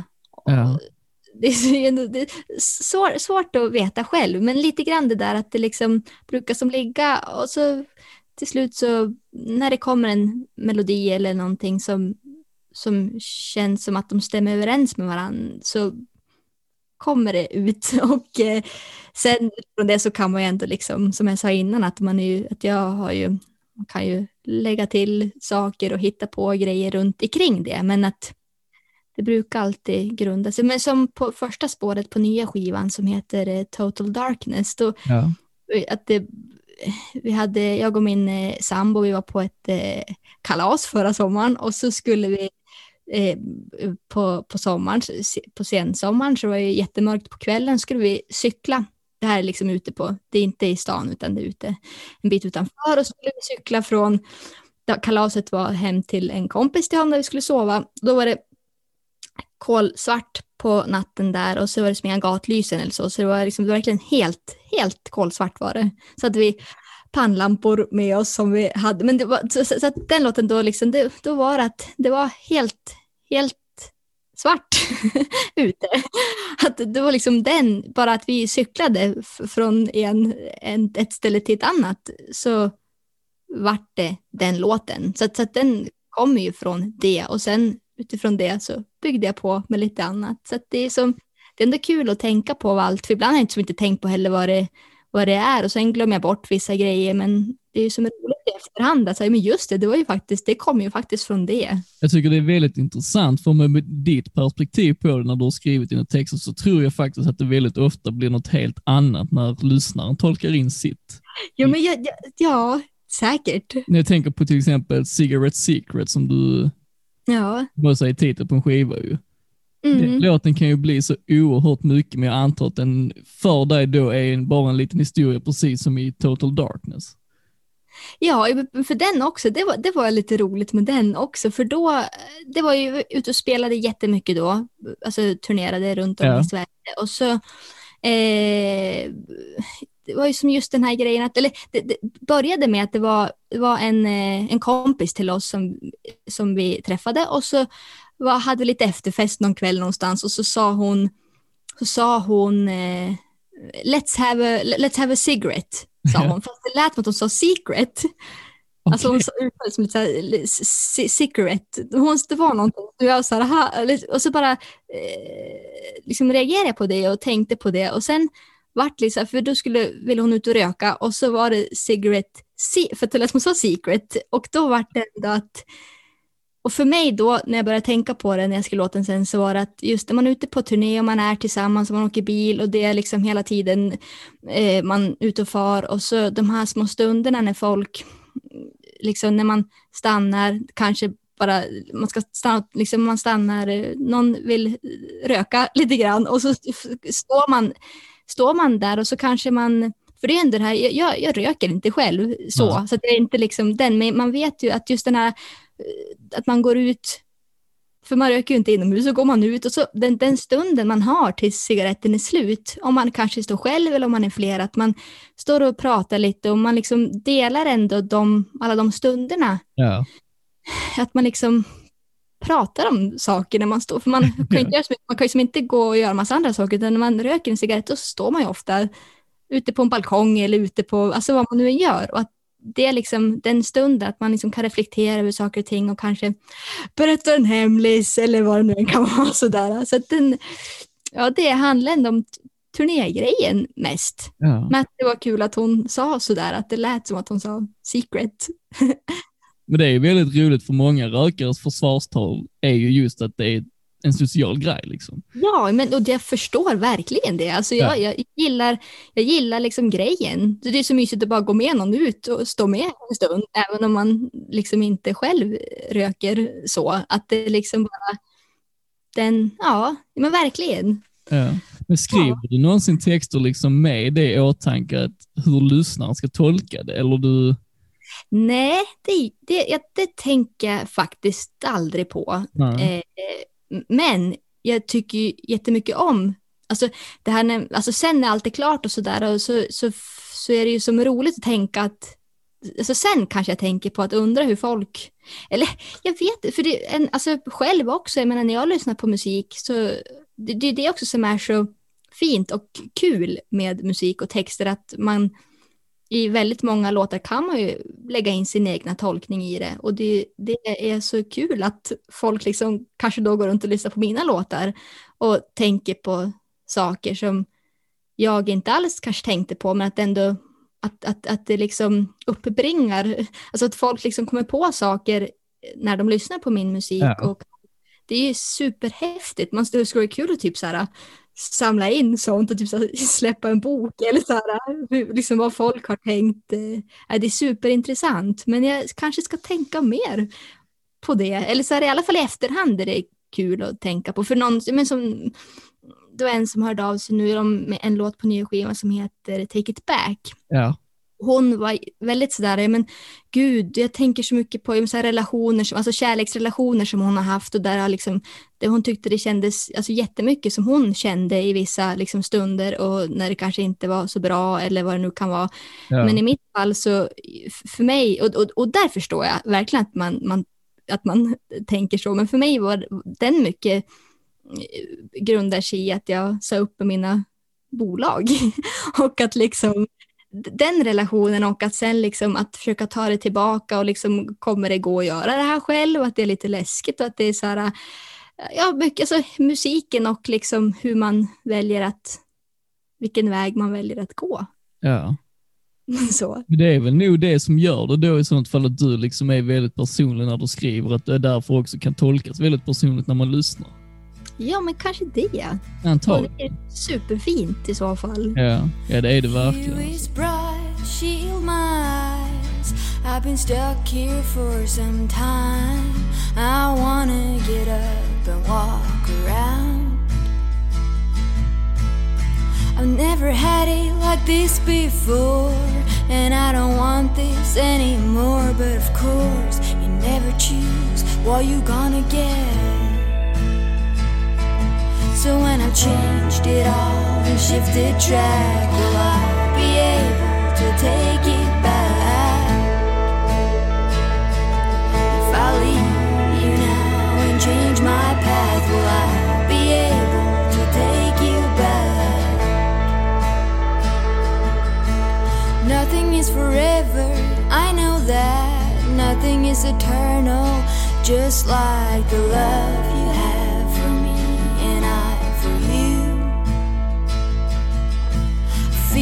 I've grown, but I don't feel old. I'm too young for this, if truth be told. But still, I don't wanna be anywhere else.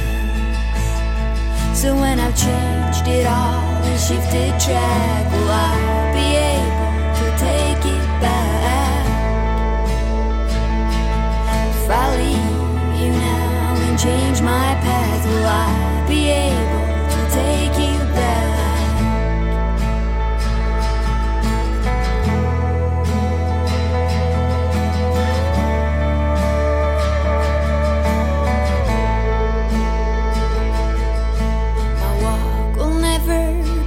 same.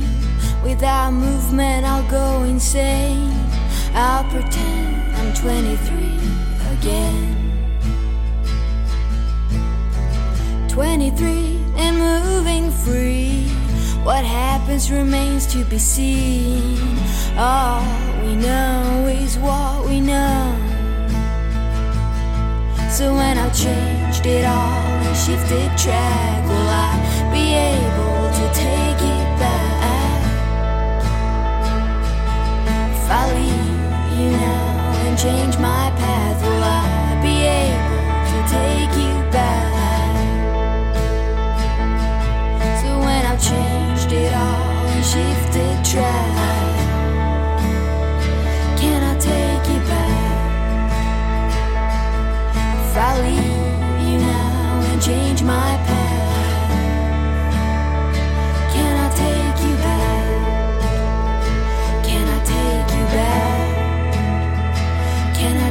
You bet.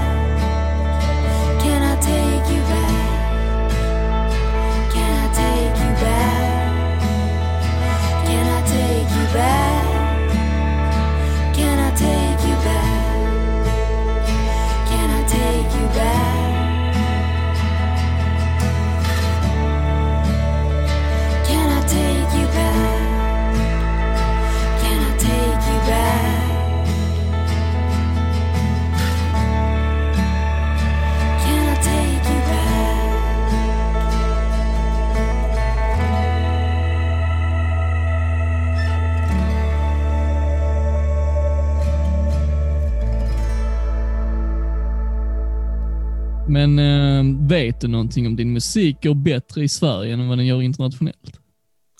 Ja, man kan, i alla, fall Spotify kan man ju se. Man kan ju se statistik där och den går ju bäst i Sverige. Eh, Så Sverige är ju första landet som ligger där och sen Norge tror jag.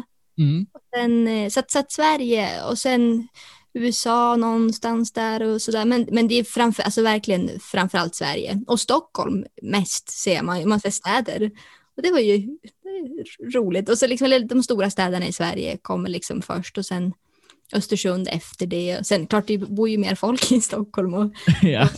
Malmö och Göteborg såklart. Men Ja. det är liksom Nej, det, det är roligt med statistiken i Spotify faktiskt. Sen lyssnar ju inte alla på Spotify, men, men det är fortfarande fler än liksom, jag tänker skivor och så. Men jag hörde, alltså fortfarande är YouTube, vad jag förstår, den största musikkanalen liksom, i världen. Så att Spotify är väldigt stort i Sverige och så. Och många, många andra länder, men, men i världen är ju inte Spotify störst, vad jag, vad jag har hört.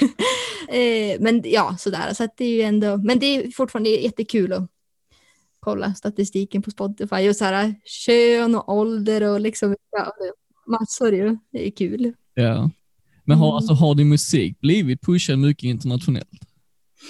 Alltså det var, väl, det var väl det som var planen lite då när jag var både på Rootsy och BMG. Och Rootsy har ju väldigt mycket, liksom, de eh, bokar jättemånga amerikanska artister och Ja. band hit till Sverige. Eh, så, så det var väldigt Amerik liksom, USA, att det var den. Och sen är ju liksom min musik är ju mycket så. Eh, så att det, men USA, alltså, nej, det fanns som inte resurser att liksom försöka söka sig in på den marknaden så kanske. Eh, men Tyskland var ju på gång på B, när jag var på BMG.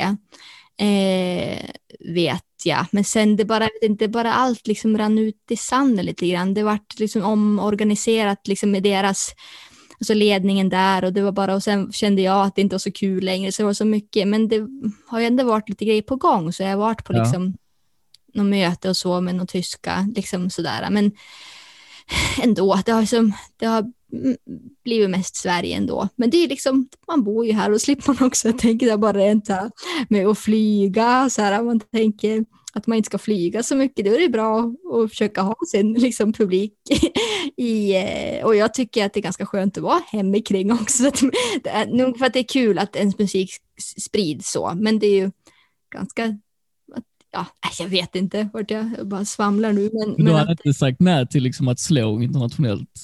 nej, alltså verkligen inte. Eh, för jag vill ju ändå, alltså jag vill ju leva på det här. Eller alltså jag, det, det är det jag försöker med hela tiden och då, jag menar ju fler som hör ens musik och vill liksom eh, lyssna och betala för den så eh, bättre är det ju såklart. Så att absolut, sen liksom att det är någon visst land eller så som jag skulle vilja, det, det har jag inte utan jag Nej. vill, det är kul om så många som möjligt eh, får höra min musik och, tyck, och skulle liksom om de tycker om den, det är ju bara kul. Ja. så. Ja, för det Mm. går väl rätt bra för First Aid Kit utomlands?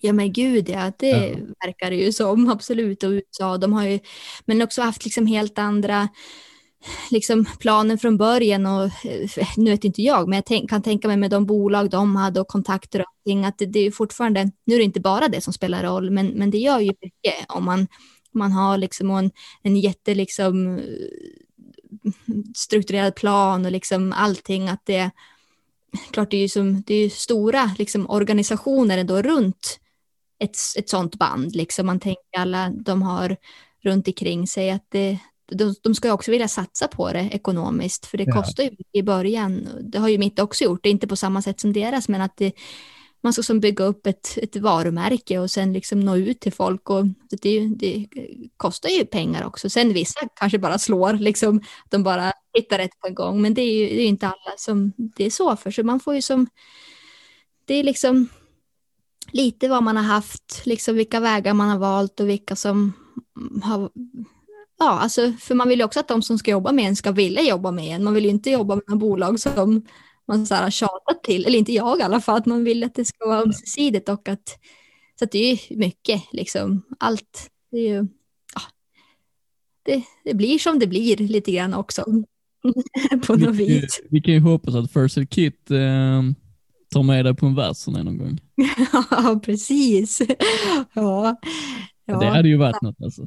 Ja, men absolut. Men alltså, det är det hela tiden, så här, ju mer man kommer ut desto, desto roligare är det ju såklart. Ja. Får man ju hoppas att, att det, man tänker med corona nu bara så där också att liksom när arena, liksom de som har, alltså jag menar, så, så, för mig går det ju att åka runt och liksom ha Alltså de liksom på, på mindre ställen och sånt. Det är ju som Ja. inte ovanligt för mig att göra det. Så att det man undrar liksom bara så- hur det kommer bli framöver med sådana stora liksom arenagrejer och festivaler och alltså hur det kommer bli i framtiden. Det känns ju liksom väldigt osäkert just nu. För men även fast det det liksom, väldigt, väldigt långt borta just nu. ja, det gör ju det. Så Ja. att, eh, det är ju, nej men hade, självklart hade det varit kul. Ja. Men man undrar ju, undrar ju mycket nu hur det blir.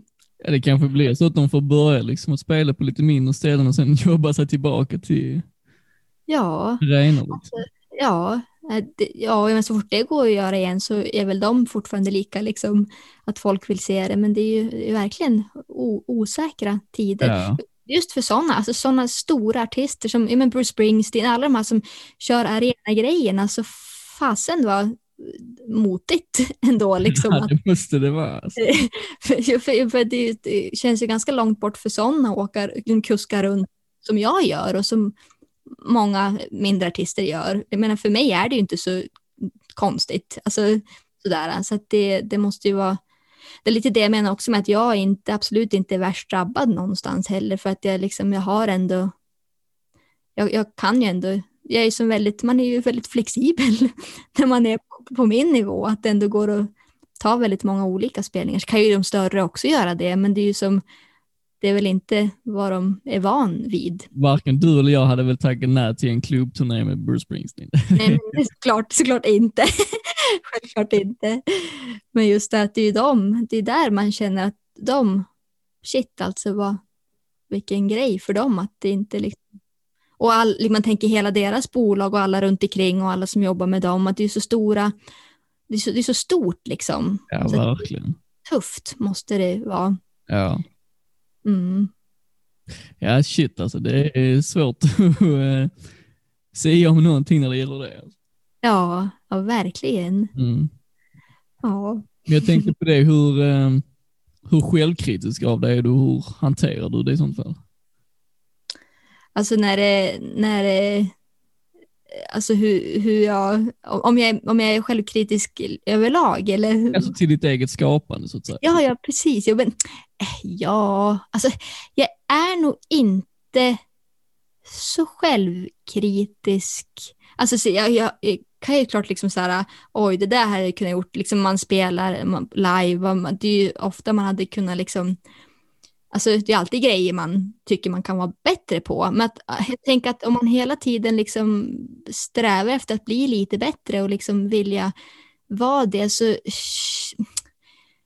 Alltså jag, jag är nog inte så självkritisk. Och med det sagt så är det inte att oh, jag är bäst. Det är inte det. Utan det är bara så att jag, jag, jag vet att, att men som mina tidigare skivor och alla, allt jag har gjort så det jag känner är att jag blir ju bättre hela tiden och det är Ja. det jag tänker är det som liksom jag vet att jag inte alltså jag har gjort så bra jag har kunnat hela tiden Ja.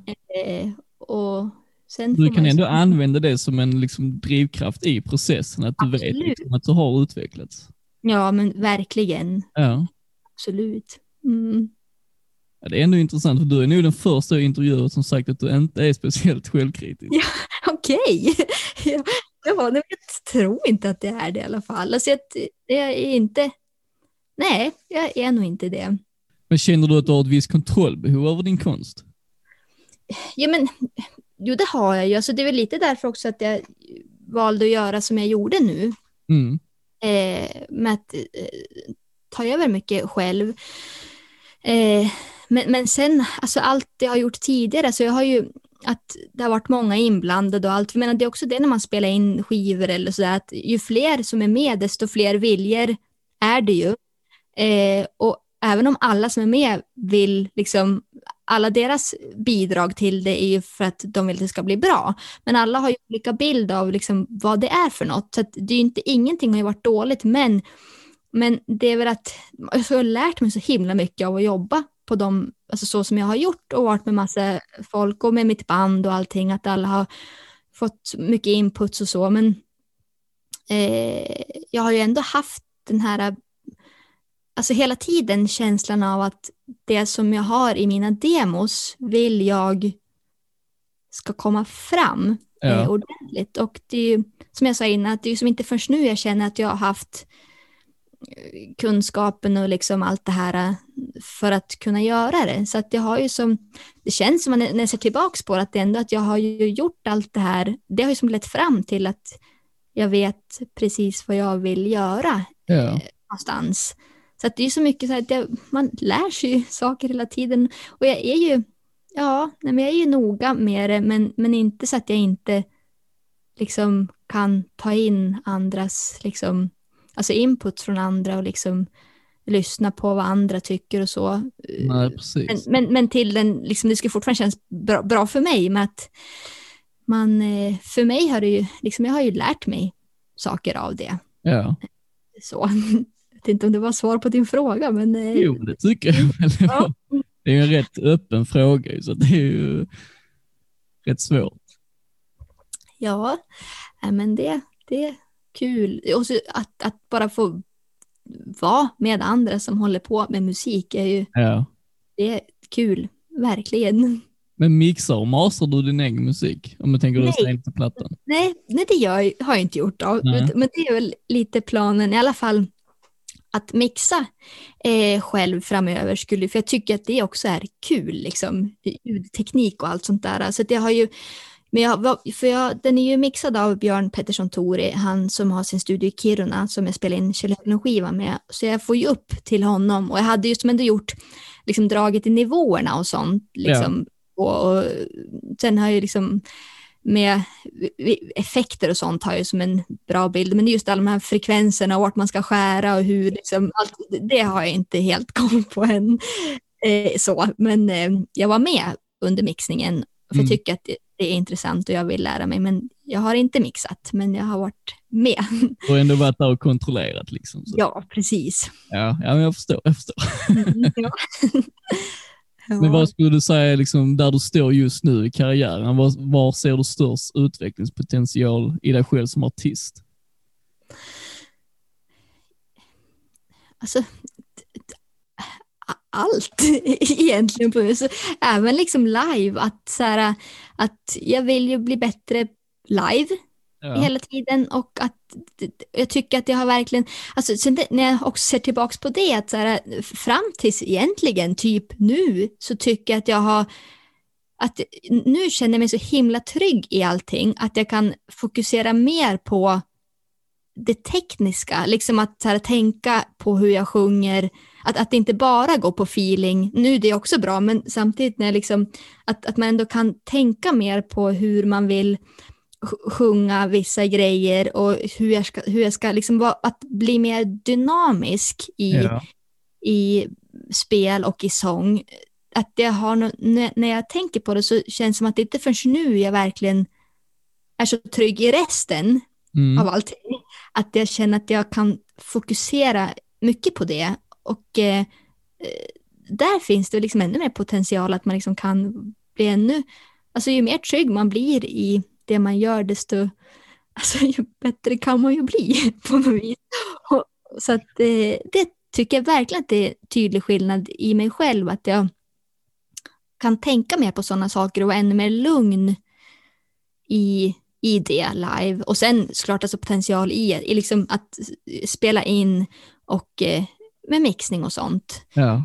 Det fasen, alltså det finns ju så mycket eh, man kan eh, lära sig och det är som en, liksom, ja, eh, det är som, känns som att man, mm, där, där, det finns ju något att göra jämt och Ja, säkert resten av ens liv. ja. Mm. Men jag Ja. tänker när du liksom övar liksom för att bli, jag kanske bättre på att sjunga eller spela gitarr och sånt, hur går du tillväga då? Alltså, jag vet, jag vet inte. Jag- Mycket, men också nu när jag har suttit, när jag liksom har, nu skulle jag liksom göra den här skivan själv. Det Ja. måste ha varit en sak, för de ska liksom inte släppas. Utan där, men nu när jag skulle släppa en skiva så har jag ju som, jag har som också haft tid att sitta och vara noga med allt och liksom lyssna igenom så här, sången. Hur kan jag, liksom, den där men, eller det ordet, liksom, ska det, alltså att jag har haft tid att lyssna igenom allt och liksom även lyssnat på mina demos, liksom vad är det jag tycker om i de här och Ja. hur kan jag liksom göra det här, att man att man har tid och alltså för mig är det att få sitta själv och greja som gör att jag liksom utvecklas mer också. Ja. Jag märker fortfarande om jag spelar in liksom, vissa projekt med andra, så här, spelar in, och jag tycker det är jättekul att spela in i andra studios och att det är liksom folk med, jag tycker det är superkul. Men jag märker fortfarande att där blir jag ju mer att jag back, liksom att jag, då, kör jag bara och sen i efterhand bara, men det här hade jag kunnat liksom, om folk som, så att jag sjunger in någonting så får man, det är skitbra, perfekt, nu har vi det, så här, men bra, då, liksom, då, då, är- då, då är jag med på det. Och sen i efterhand säger men här hade jag kunnat liksom gjort så himla, inte bättre kanske, men på andra sätt. Och det är ju när jag är själv som jag har tiden och liksom att det, att, att det inte är någon annan som, som är med. Att jag kan sitta och bara lyssna och göra om och, och tänka och prova och sådär i lugn och ro. För, mig har nog det varit viktigast. I, Det är liksom en liten trygghetsfaktor för dig. ja. Och, så jag är alltid trygg i att jag, jag gör det jag gör och jag vet att, alltså, jag vet att jag kan så. Ja. Men att eh, jag levererar ännu bättre när jag ja, ja men absolut en trygghetsgrej och att man inte liksom så sen alla jag har jobbat med, det är så här jättebra personer allihopa och Ja. superkul. Alla liksom, det finns ingen, att det inte är nära, någon så här, jag vet inte, men det är ju att få sitta, få sitta själv och, och inte ha någon att liksom förhålla sig till, Nej, förut själv. själv. ja. Ja, ja. Det, Ja, det har ju funkat hittills ju typ. Ja, ja, men, ja, precis. Ja, man får, precis, man får gå på det liksom. Alltså, funkar det och då är det ju bra på något vis. Om man, om man får till. Ja. Skulle Mm. du kunna beskriva ett scenario där din musik gör sig absolut bäst? Alltså, ja, alltså jag tror när jag har eh, Alltså som jag tycker, sen kan ju andra tycka annat, men Ja. om jag sitter, om jag sitter själv, om jag, alltså kan vara att man sitter så här och jag sitter och liksom när jag skriver en låt eller om jag liksom bara, för jag har en tramporgel här i min lilla studiostuga och jag kan sitta där själv och liksom bara spela igenom låtar och, och testa och ibland vissa ögonblick där kan jag känna att så här, fan vad bra det var nu. Eller så här, gud nu fick jag till det liksom. Ja. Alltså, jag tror att för mig är de vissa gånger, eller ka- kanske när man har repat, alltså typ med, med sitt band eller man har gjort någonting att jag tror, för det man är ju liksom helt avslappnad när det inte är någon som lyssnar. Och att det är då man liksom kan, eller jag kanske glänser som mest ibland. Sen får man ju till det live också så där, så, eller på inspelningen, men jag tror att de absolut liksom bästa ögonblicken kan nog ha varit när jag har suttit själv faktiskt. Ja, så kan det mycket väl vara faktiskt. Ja. Men skulle du säga att du föredrar du att spela in, eller spela in i studio eller spela live?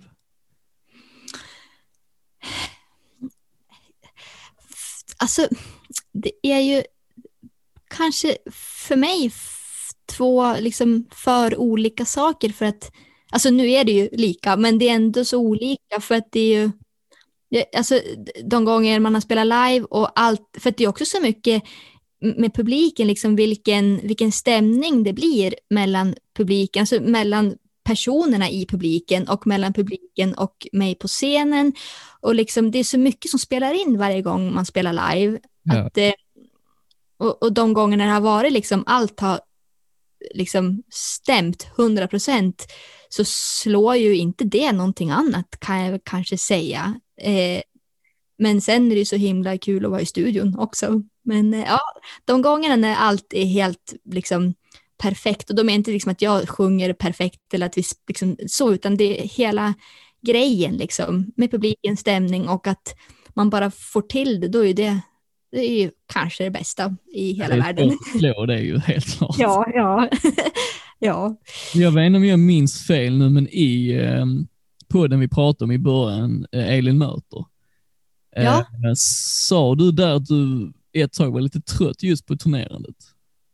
Ja, jo, men det var jag. Eh, och det var att det kändes som att man bara kuskade på och det kom inte så mycket folk och det kanske var ibland Alltså, det, det, det kändes som att det kanske körde fast lite grann. Att det liksom inte, det hände inte, vi kanske körde fast även liksom som, tänker rent så här i, som gruppdynamik i bandet, att liksom allt bara, alltså, så, så, och det är väl inte konstigt att det blir så egentligen, att man bara så här, kör på och så känns det som att man inte kommer någon vart. Nej. Och vad nu det berodde på, det är ju svårt att veta, men att det, det ett tag så, jag liksom ville inte ut och spela och det var väldigt trist att känna så, för det har ju det brukar ju vara det roligaste liksom. Men det är väl det och det var väl där jag känner att jag måste liksom bara göra om någonting.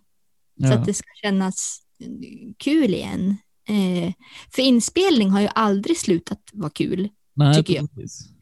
Så att det är ju liksom, det är ju så mycket det, liksom om man får tillbaks från publiken och att man känner att, att det liksom händer någonting, att det kanske kommer några fler varje gång och att det kanske liksom lyfter lite, att man måste ju få känna att det ibland att det, att det går lite framåt och i vissa perioder så har det inte känts så och Nej. då kan det vara lite trist. Hur känner du nu då? Nu känner du dig taggad på att åka ut igen eller? Ja, alltså nu, för han ju, han ju har två spelningar nu innan de här superrestriktionerna, så då spelade vi i Piteå och i Luleå, jag och eh, han som vanligtvis spelar bas med mig, Robin Lindqvist. Mm. Eh, så för det är också det nu när det är liksom att det har varit ja, men alla restriktioner så kan man ju kanske inte dra med sig hela bandet ut för det kostar ju pengar sådär. Så att, det, att man får skala ner lite. Och då, vart det, då har jag och Robin repat och vart så fasen vad, vad vi fick till det bra tycker vi på duo. Och när han har, jag spelar bara Acke, alltså akustisk, akustisk gitarr och han har en, en slags elorgel där han har eh, och lite effektpedaler till eh, genom en förstärkare. Och det bara vart, alltså på två så fick vi till det så himla bra Ja. tycker jag. Och det var så kul att vi, vi har repat ganska mycket och sen skulle vi ha lite fler spelningar, men det är ju inställt nu såklart. Men vi hann ju ändå få två stycken och det var, det var verkligen, eh, då, då kändes det som att det, och även fast, för ibland också att man tänker att det är så mycket med låtarna att man vill göra dem rättvisa i att, alltså live, att det är alla, liksom, eller de flesta av grejerna som är på skivan med trummor och bas och allting så. Ja. Att ibland kan det kännas som att det försvinner så mycket om man bara åker runt, om man spelar själv eller som duo. Det är som svårt att, att liksom få till det där, men jag tycker att vi hittade den grejen nu som du och att det verkligen ändå vart stort, fast vi bara var två. Och, och det är nog liksom, det kändes superkul, så att jag hoppas att vi kan få åka ut lite mer vad det lider och sådär, även fast det kanske bara blir den här 50 eh, personers gränsen igen, men då är det ändå liksom, det, det, går ju, alltså för, för oss går ju det då, eh, åka som duo, eh, sådär. Eh, så att nu, det har ju känts jättekul, så det var ju skönt att göra två spelningar i alla fall eh, och känna att det liksom, fasen, det vart bra det här. Ja. Ehm, Men nu vet du att de känslorna för att spela live är tillbaka liksom, så det är, ja, är precis. perfekt. Ja, absolut. Har du någon drömartist som du skulle vilja vara förband för? Så jag har tänkt på det där ibland och sen så kommer jag fram till att jag vet inte. jag har liksom, det, alltså, jag, det är ju liksom, alltså de flesta skulle man ju tacka ja till och vara förband till. Jag har väl kanske ingen, typ så här, det skulle nog inte vara, alltså, jag, jag vet faktiskt inte om jag ska vara helt ärlig. Det, det, jag tycker att det är, för jag har faktiskt funderat på det själv sådär. Ja. Men jag, eh, jag vet inte. Nej, Nej kanske inte. Men du var väl förband till eh, Doug Seegers när han väl slog igenom, eller hur var det? Ja, precis. Det där var ju en... eh, Det var ju... Det, var, det hade släppt min första skiva och sen så var det ju... Det, det var så att mitt bokningsbolag, alltså Rootsy, Ja. fick, eh, vart, fick frågan från Jill Johnsons eh, skivbolag om, om han kunde ta bokningarna.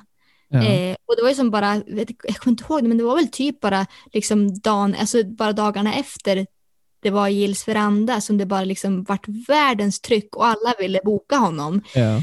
Eh, och då fick ju, för mitt bolag, det var ju ett litet bolag, det var ju som inga, jag menar han som Bj- Björn Pettersson som, i Norrtälje som, som har den liksom, bokningsdelen, han hade liksom, han jobbade inte heltid med bokning utan hade även ett annat jobb och sen fick han den där och vart ju liksom världens grej. Ja. Och då vart det, då ville han att jag skulle, för hans liksom, plan hela tiden har ju varit att få ut mig liksom, och spela så mycket det bara går. För man lär sig så mycket av det och det, verkligen, det gör man ju. Ja. Ju Oh, ja. Och då så ville han att mitt band eh, skulle vara Dags kompband. Okej. Eh, och då var jag förband med mitt band och sen spelade mitt band med Dag. Så vi hade ju, jag tror det var säkert 70 spelningar den sommaren bara, som vi får runt och bara matade liksom. Ja. Det var ju, det var, alltså, för då fick man också liksom vara med, även om det inte var jag så fick man ju ändå vara med på sidan av och se hur, hur det är att slå igenom liksom över en natt och bara få hela den där, liksom, var ju liksom, det var ju lite liksom galet att det var så här helt, det var så mycket folk och alla ville ha autograf och alla ville, det var så en liksom stor grej. Eh, sådär, eh, så att det var ju jätte, det var också jättebra skola, alltså verkligen superlärorikt och få, få, få vara, vara med på allt det liksom. Ja. Sen var det ju lite jobbigt också, det var ju så, så himla mycket den sommaren, det bara så, men eh, det lärde jag mig hur mycket som helst av. Mm. Vad skulle du säga är den största höjdpunkten i din karriär hittills? Oj. Ja, alltså, men det är väl många saker ändå. Alltså, jag har ju, alltså kanske, alltså, lite, alltså med Cigarette Secrets, det, mitt tredje album, då Ja. var jag på BMG också och där satsades det ganska mycket eh, skivan och mycket liksom, då började det som ändå ticka på ganska bra med spelning på Spotify och det var ändå liksom, det var, eh, men, och så hade jag ändå släppt två skivor innan, varit ute med Dag, varit ute och spelat jätte- jättemycket live. Ja. Det var ändå liksom, där var det ganska, jag kommer ihåg att det kändes som att nu kanske det liksom kommer lossna. Sen gjorde det inte det, av eh, vad jag vet inte varför, men många anledningar säkert. Ehm, men jag kommer ihåg att jag kände att det var, jag var, men det var massor, jag skulle, det var spelningar jag skulle in på, jag var med i liksom, det var lite tv, god kväll, jag skulle vara med i lite P1-program om amerikaner, så skulle Jan Gradvall, liksom, jag hade varit med i hans podd. Det var så mycket sådana där liksom, av de här med, så, större grejerna, jag var med i, vad heter det, morgon, eh, vad heter, och, eh, Per Sinding Larsen där i morgon, hans morgon, morgonsoffan eller vad det heter. Och, det, var, det var väldigt mycket som hände på samma gång i och med det skivsläppet och det var som, jag flög hit och dit och skulle göra det och det och det var liksom, jag fick ändå liksom känna att det hände ganska mycket Ja. och det var ju jättekul. Eh, och att känna att det faktiskt är ganska många, för det är ändå ganska lätt när man sitter här hemma ibland så typ så här, det är ju, typ så här man tänker att det är ingen som vet vem man är. Ingen som, och sen slår den ändå ibland att, man, att jag har gjort så mycket saker och jag har varit med, varit med liksom alltid, de flesta skivorna har varit, blivit recenserade av liksom de recensenterna man vill bli recenserad av. Ja. Att det liksom var, jag har ju som, jag har ju varit in överallt och liksom nuddat lite vid liksom hela den där grejen, men sen har det aldrig liksom lossnat helt ändå. Eh, men eh, så, att, så att det var ju, det var ju som på gång riktigt där och det kändes ju liksom, det var ju Eh, och sen, men även sen med Kjell Höglund, att när jag var ute och hade release-turnén på den, att det kom så himla mycket folk.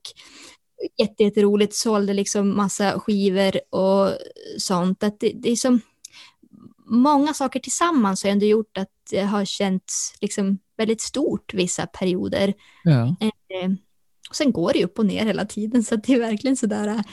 Eh, men det är, också lätt att glömma bort allt man har gjort och sen när man liksom läser eller så, nu läste det var han Christer Jarlås då, åklagaren som jag berättade om som alltid har varit med och eh, gjort mycket, eh, skrev ihop nu inför det här släppet så skrev han ihop liksom som en presstext, eller han skrev ihop liksom eh, grejer och liksom vad jag har gjort i min karriär. Okej. Och när jag såg det, jag bara läste, bara, vad är, ibland glömmer man ju bort om man sitter här och så bara läser jag, fasen jag har ju ändå, det har ju varit mycket liksom. Ja. Och jag har ju som varit, så att det är ju som, det är ju verkligen upp och ner hela tiden, men jag vet ju att jag har ju gjort mycket saker och det är kul.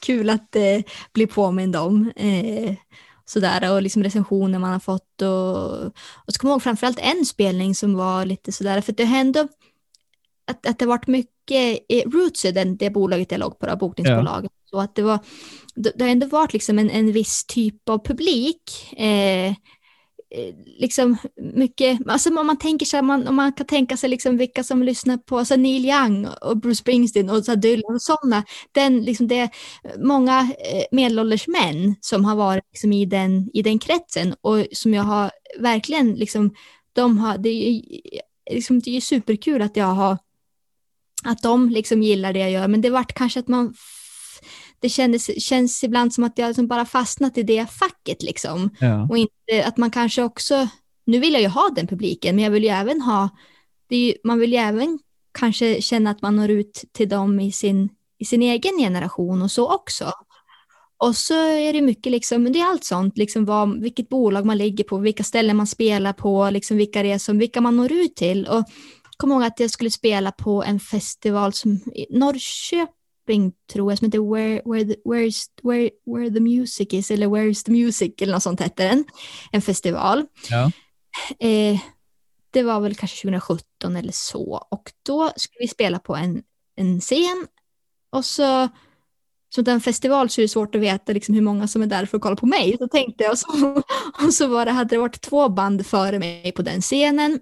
Ja. Och så bandet innan, det var ganska mycket folk och så tänkte jag, alltså det är alltid ändå att det är liksom lite här att man ändå alltid är beredd på att det kommer kanske inte komma så många, att man ändå liksom har, det är som att man har ändå det, så här, jag tänkte att jag hoppas det kommer några i alla fall till att vi börjar spela, för då tömdes ju lokalen när de, hade, när de var klara och så tänkte jag hoppas det kommer några i alla fall. Och, och sen när vi gick på så var det proppfullt i den lokalen och jättemånga eh, eh yngre och jag kommer ihåg att jag bara liksom, shit, vet alla de här vem jag är? För jag har inte, inte sett det, den, liksom, den gruppen av människor har jag som inte sett så mycket av när jag varit ute och spelat.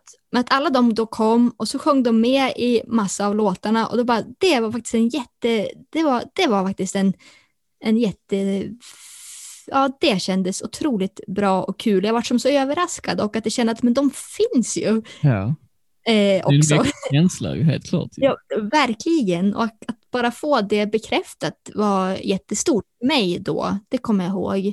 Så det är liksom många, många saker som har, flera olika saker som ändå har, som har, när det har känts som att wow, vad Ja. kul. Men Så. i de, alltså när du väl är där, jag tänker då i framgången med Cigarette Secrets och Du sålde min biljett och även den spelningen du precis pratade om, Mm. hin, hinner du liksom njuta i tillfället så att säga, eller kommer det först efteråt?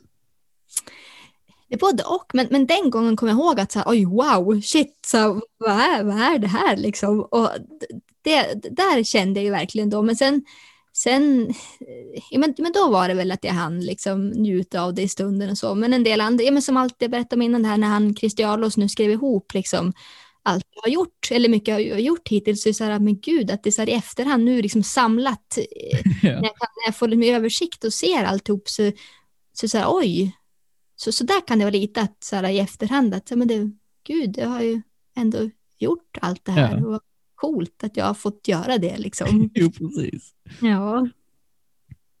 Jag tänkte Mm. vad, vad är den absolut största drömmen för dig som artist?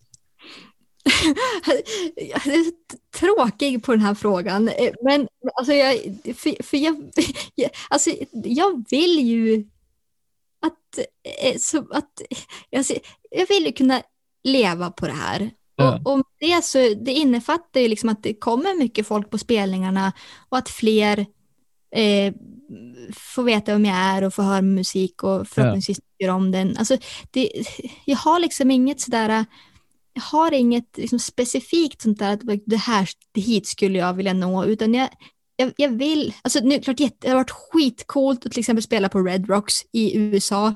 Eh, visst är det Denver eller vart det är någonstans.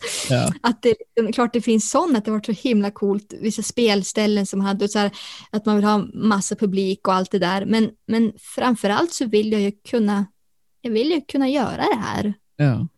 Eh, det är väl ändå, jag kommer som alltid tillbaka till det, att jag så här, det är ju, det är ju egentligen det enda jag vill. Ja. Och eh, allt som följer med det då. då. Jo, precis. Mm. Men det är väl ändå, alltså det är ju ett realistiskt mål, får jag väl ändå säga. Ja, men, men precis, det blir som inte övermäktigt på något vis. Man kan känna att man, ja, kanske att man har, man har möjlighet kanske att komma dit. Sådär, ja. Sen måste jag fråga oss om, eh, om TV4 ringer och eh, vill ha med dig Så mycket bättre. Hade du tackat ja då? ja. Det har jag faktiskt tänkt på också nu. Alltså, hade det varit, alltså, jag gillar ju verkligen grejen där med att tolka, alltså jag tycker det är jättekul att liksom göra versioner på andras Ja. låtar. Men det känns lite som att, eh, alltså det hade varit roligare för några år sedan. Ah, För okej. att det känns lite som att det har blivit lite trött, ett trött, Ja. alltså lite kanske urvattnat på något sätt. Det kanske skulle behöva göras om på något som en ny, jag vet inte. Alltså just nu känns det som kanske att jag inte skulle tacka ja. Okej. Men jag vet inte. jag vet inte om det, det är verkligen båda och. Eh, för jag, jag, jag har kollat några säsonger. Eh, nu var det länge sedan jag kollade, men nu har jag kollat igen på det som är nu. Och det, det känns som att det skulle behöva kanske mm, bli någon slags nytt format. Ja, Det kanske det lite... du nog ha rätt i faktiskt. Eh, kanske. Och sen, alltså den, om jag skulle få frågan, jag kan inte säga att jag skulle säga nej nu eller ja, utan det, det, vet jag inte faktiskt. Nej. Eh, men inte självklart ja. Okej. Men jag får fråga så också, om, eh, om du skulle tacka ja, Mm. vilka andra artister hade du i så fall velat ha med i den säsongen? Oj! Eh, Åh men gud, vad, eh, vilken svår Ja, fråga. det är ganska svårt. Det hade ju varit eh, jättekul om till exempel Sofie Selmani skulle vara med. Nu tror jag inte hon skulle, hon verkar vara, eh, man hör ju inte så mycket om henne och Nej, sådär. Men hon har ju gjort så himla många bra skivor. Det hade varit, just för att jag har lyssnat så mycket på henne sedan jag var liten, att det hade varit så, det hade varit och liksom, eh, ja hon och jag vet inte. Det är också så svårt att veta, liksom, man tänker bara rent så här grupp, gruppdynamiskt vilka som, alltså man vill också, det ska, det ska vara så här, det ska liksom vara, hela, hela grejen ska ju liksom kännas, jag, jag vet inte faktiskt. Får jag, svara, får jag svara att jag inte vet? Ja, det är väl, det är en svår fråga så det får väl duga som svar. Ja, Jag tycker Ja. det är ändå rätt imponerande att de nu i denna säsong har lyckats få med Jakob Hellman. ja visst. Ja, Supercoolt. jag undrar hur de lyckades med det alltså. Ja. ja, men då han kanske bara... Alltså jag har inte så bra koll på Jakob Hellman egentligen så, men tänker att han bara... Så här, men också att, liksom, att, att det är en liksom, ny skiva på gång. Att det... Det känns lite som en PR-grej faktiskt. Ja, ja, men precis. Och det verkar ju ha funkat väldigt bra för många. Men det är väl lite det jag också tänker att det känns som att så här, att det är lite det som nästan har blivit grejen, typ så här att liksom Ja. få en nystart eller att lansera en ny artist. Att det man känns som att det kanske blir liksom mycket fokus på det för att det har funkat så bra för så många såklart. Men att det kanske känns som att, det är, att många ställer upp, inte bara för det såklart, men att det ändå liksom blir för mycket fokus på det. Och det är väl det också som känns lite, att man liksom inte, alltså också att det är liksom mycket i, att det sitter några och bestämmer och det är bolag och de liksom får till och så är det många som, ja, det är kanske mycket liksom runt omkring som jag kanske inte tycker känns så kul. Mm. Nej, men jag tror ju också det, för nu är det en sån medveten grej liksom att du kan gå Ja, in så mycket precis. bättre, göra en hit och sen är det lugnt. Ja, ja.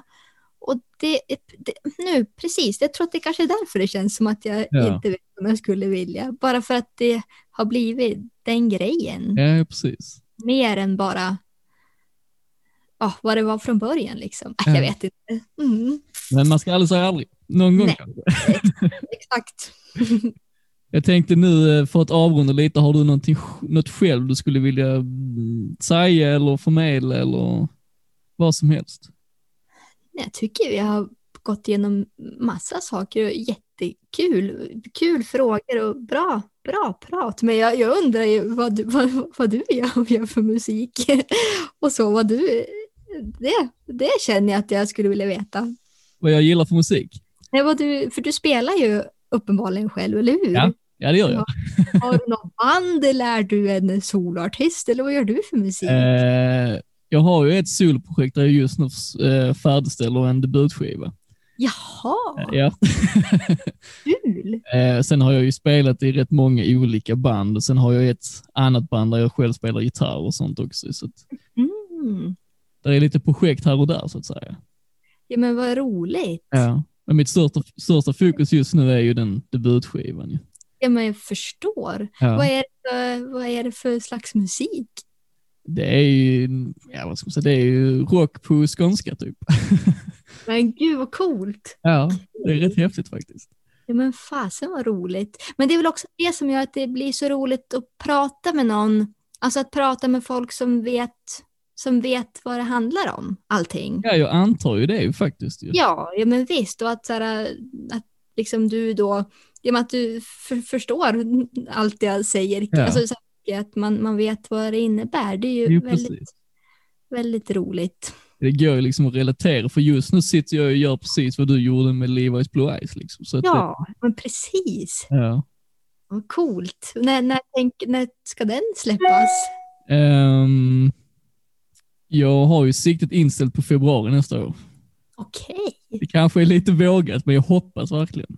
Ja, men det är bra ändå. Liksom. Man får försöka i alla fall att hålla... Det, all, tidsplaner är ju svåra att hålla, Ja, det- jag märkt med allt. Men det är ändå bra, att- bra att ändå försöka hålla dem. Pressar mig med en liksom egenskap av deadline, så får vi ju se hur det går. Ja. Ja, men kul. Det ser jag fram emot.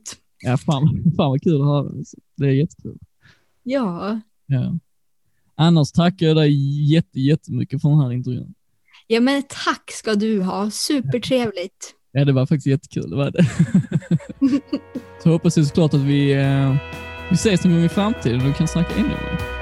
Ja, men det, det låter som en eh, bra plan Ja, helt klart. Du får ha det så bra Ellen så hörs vi. också. Tack så mycket.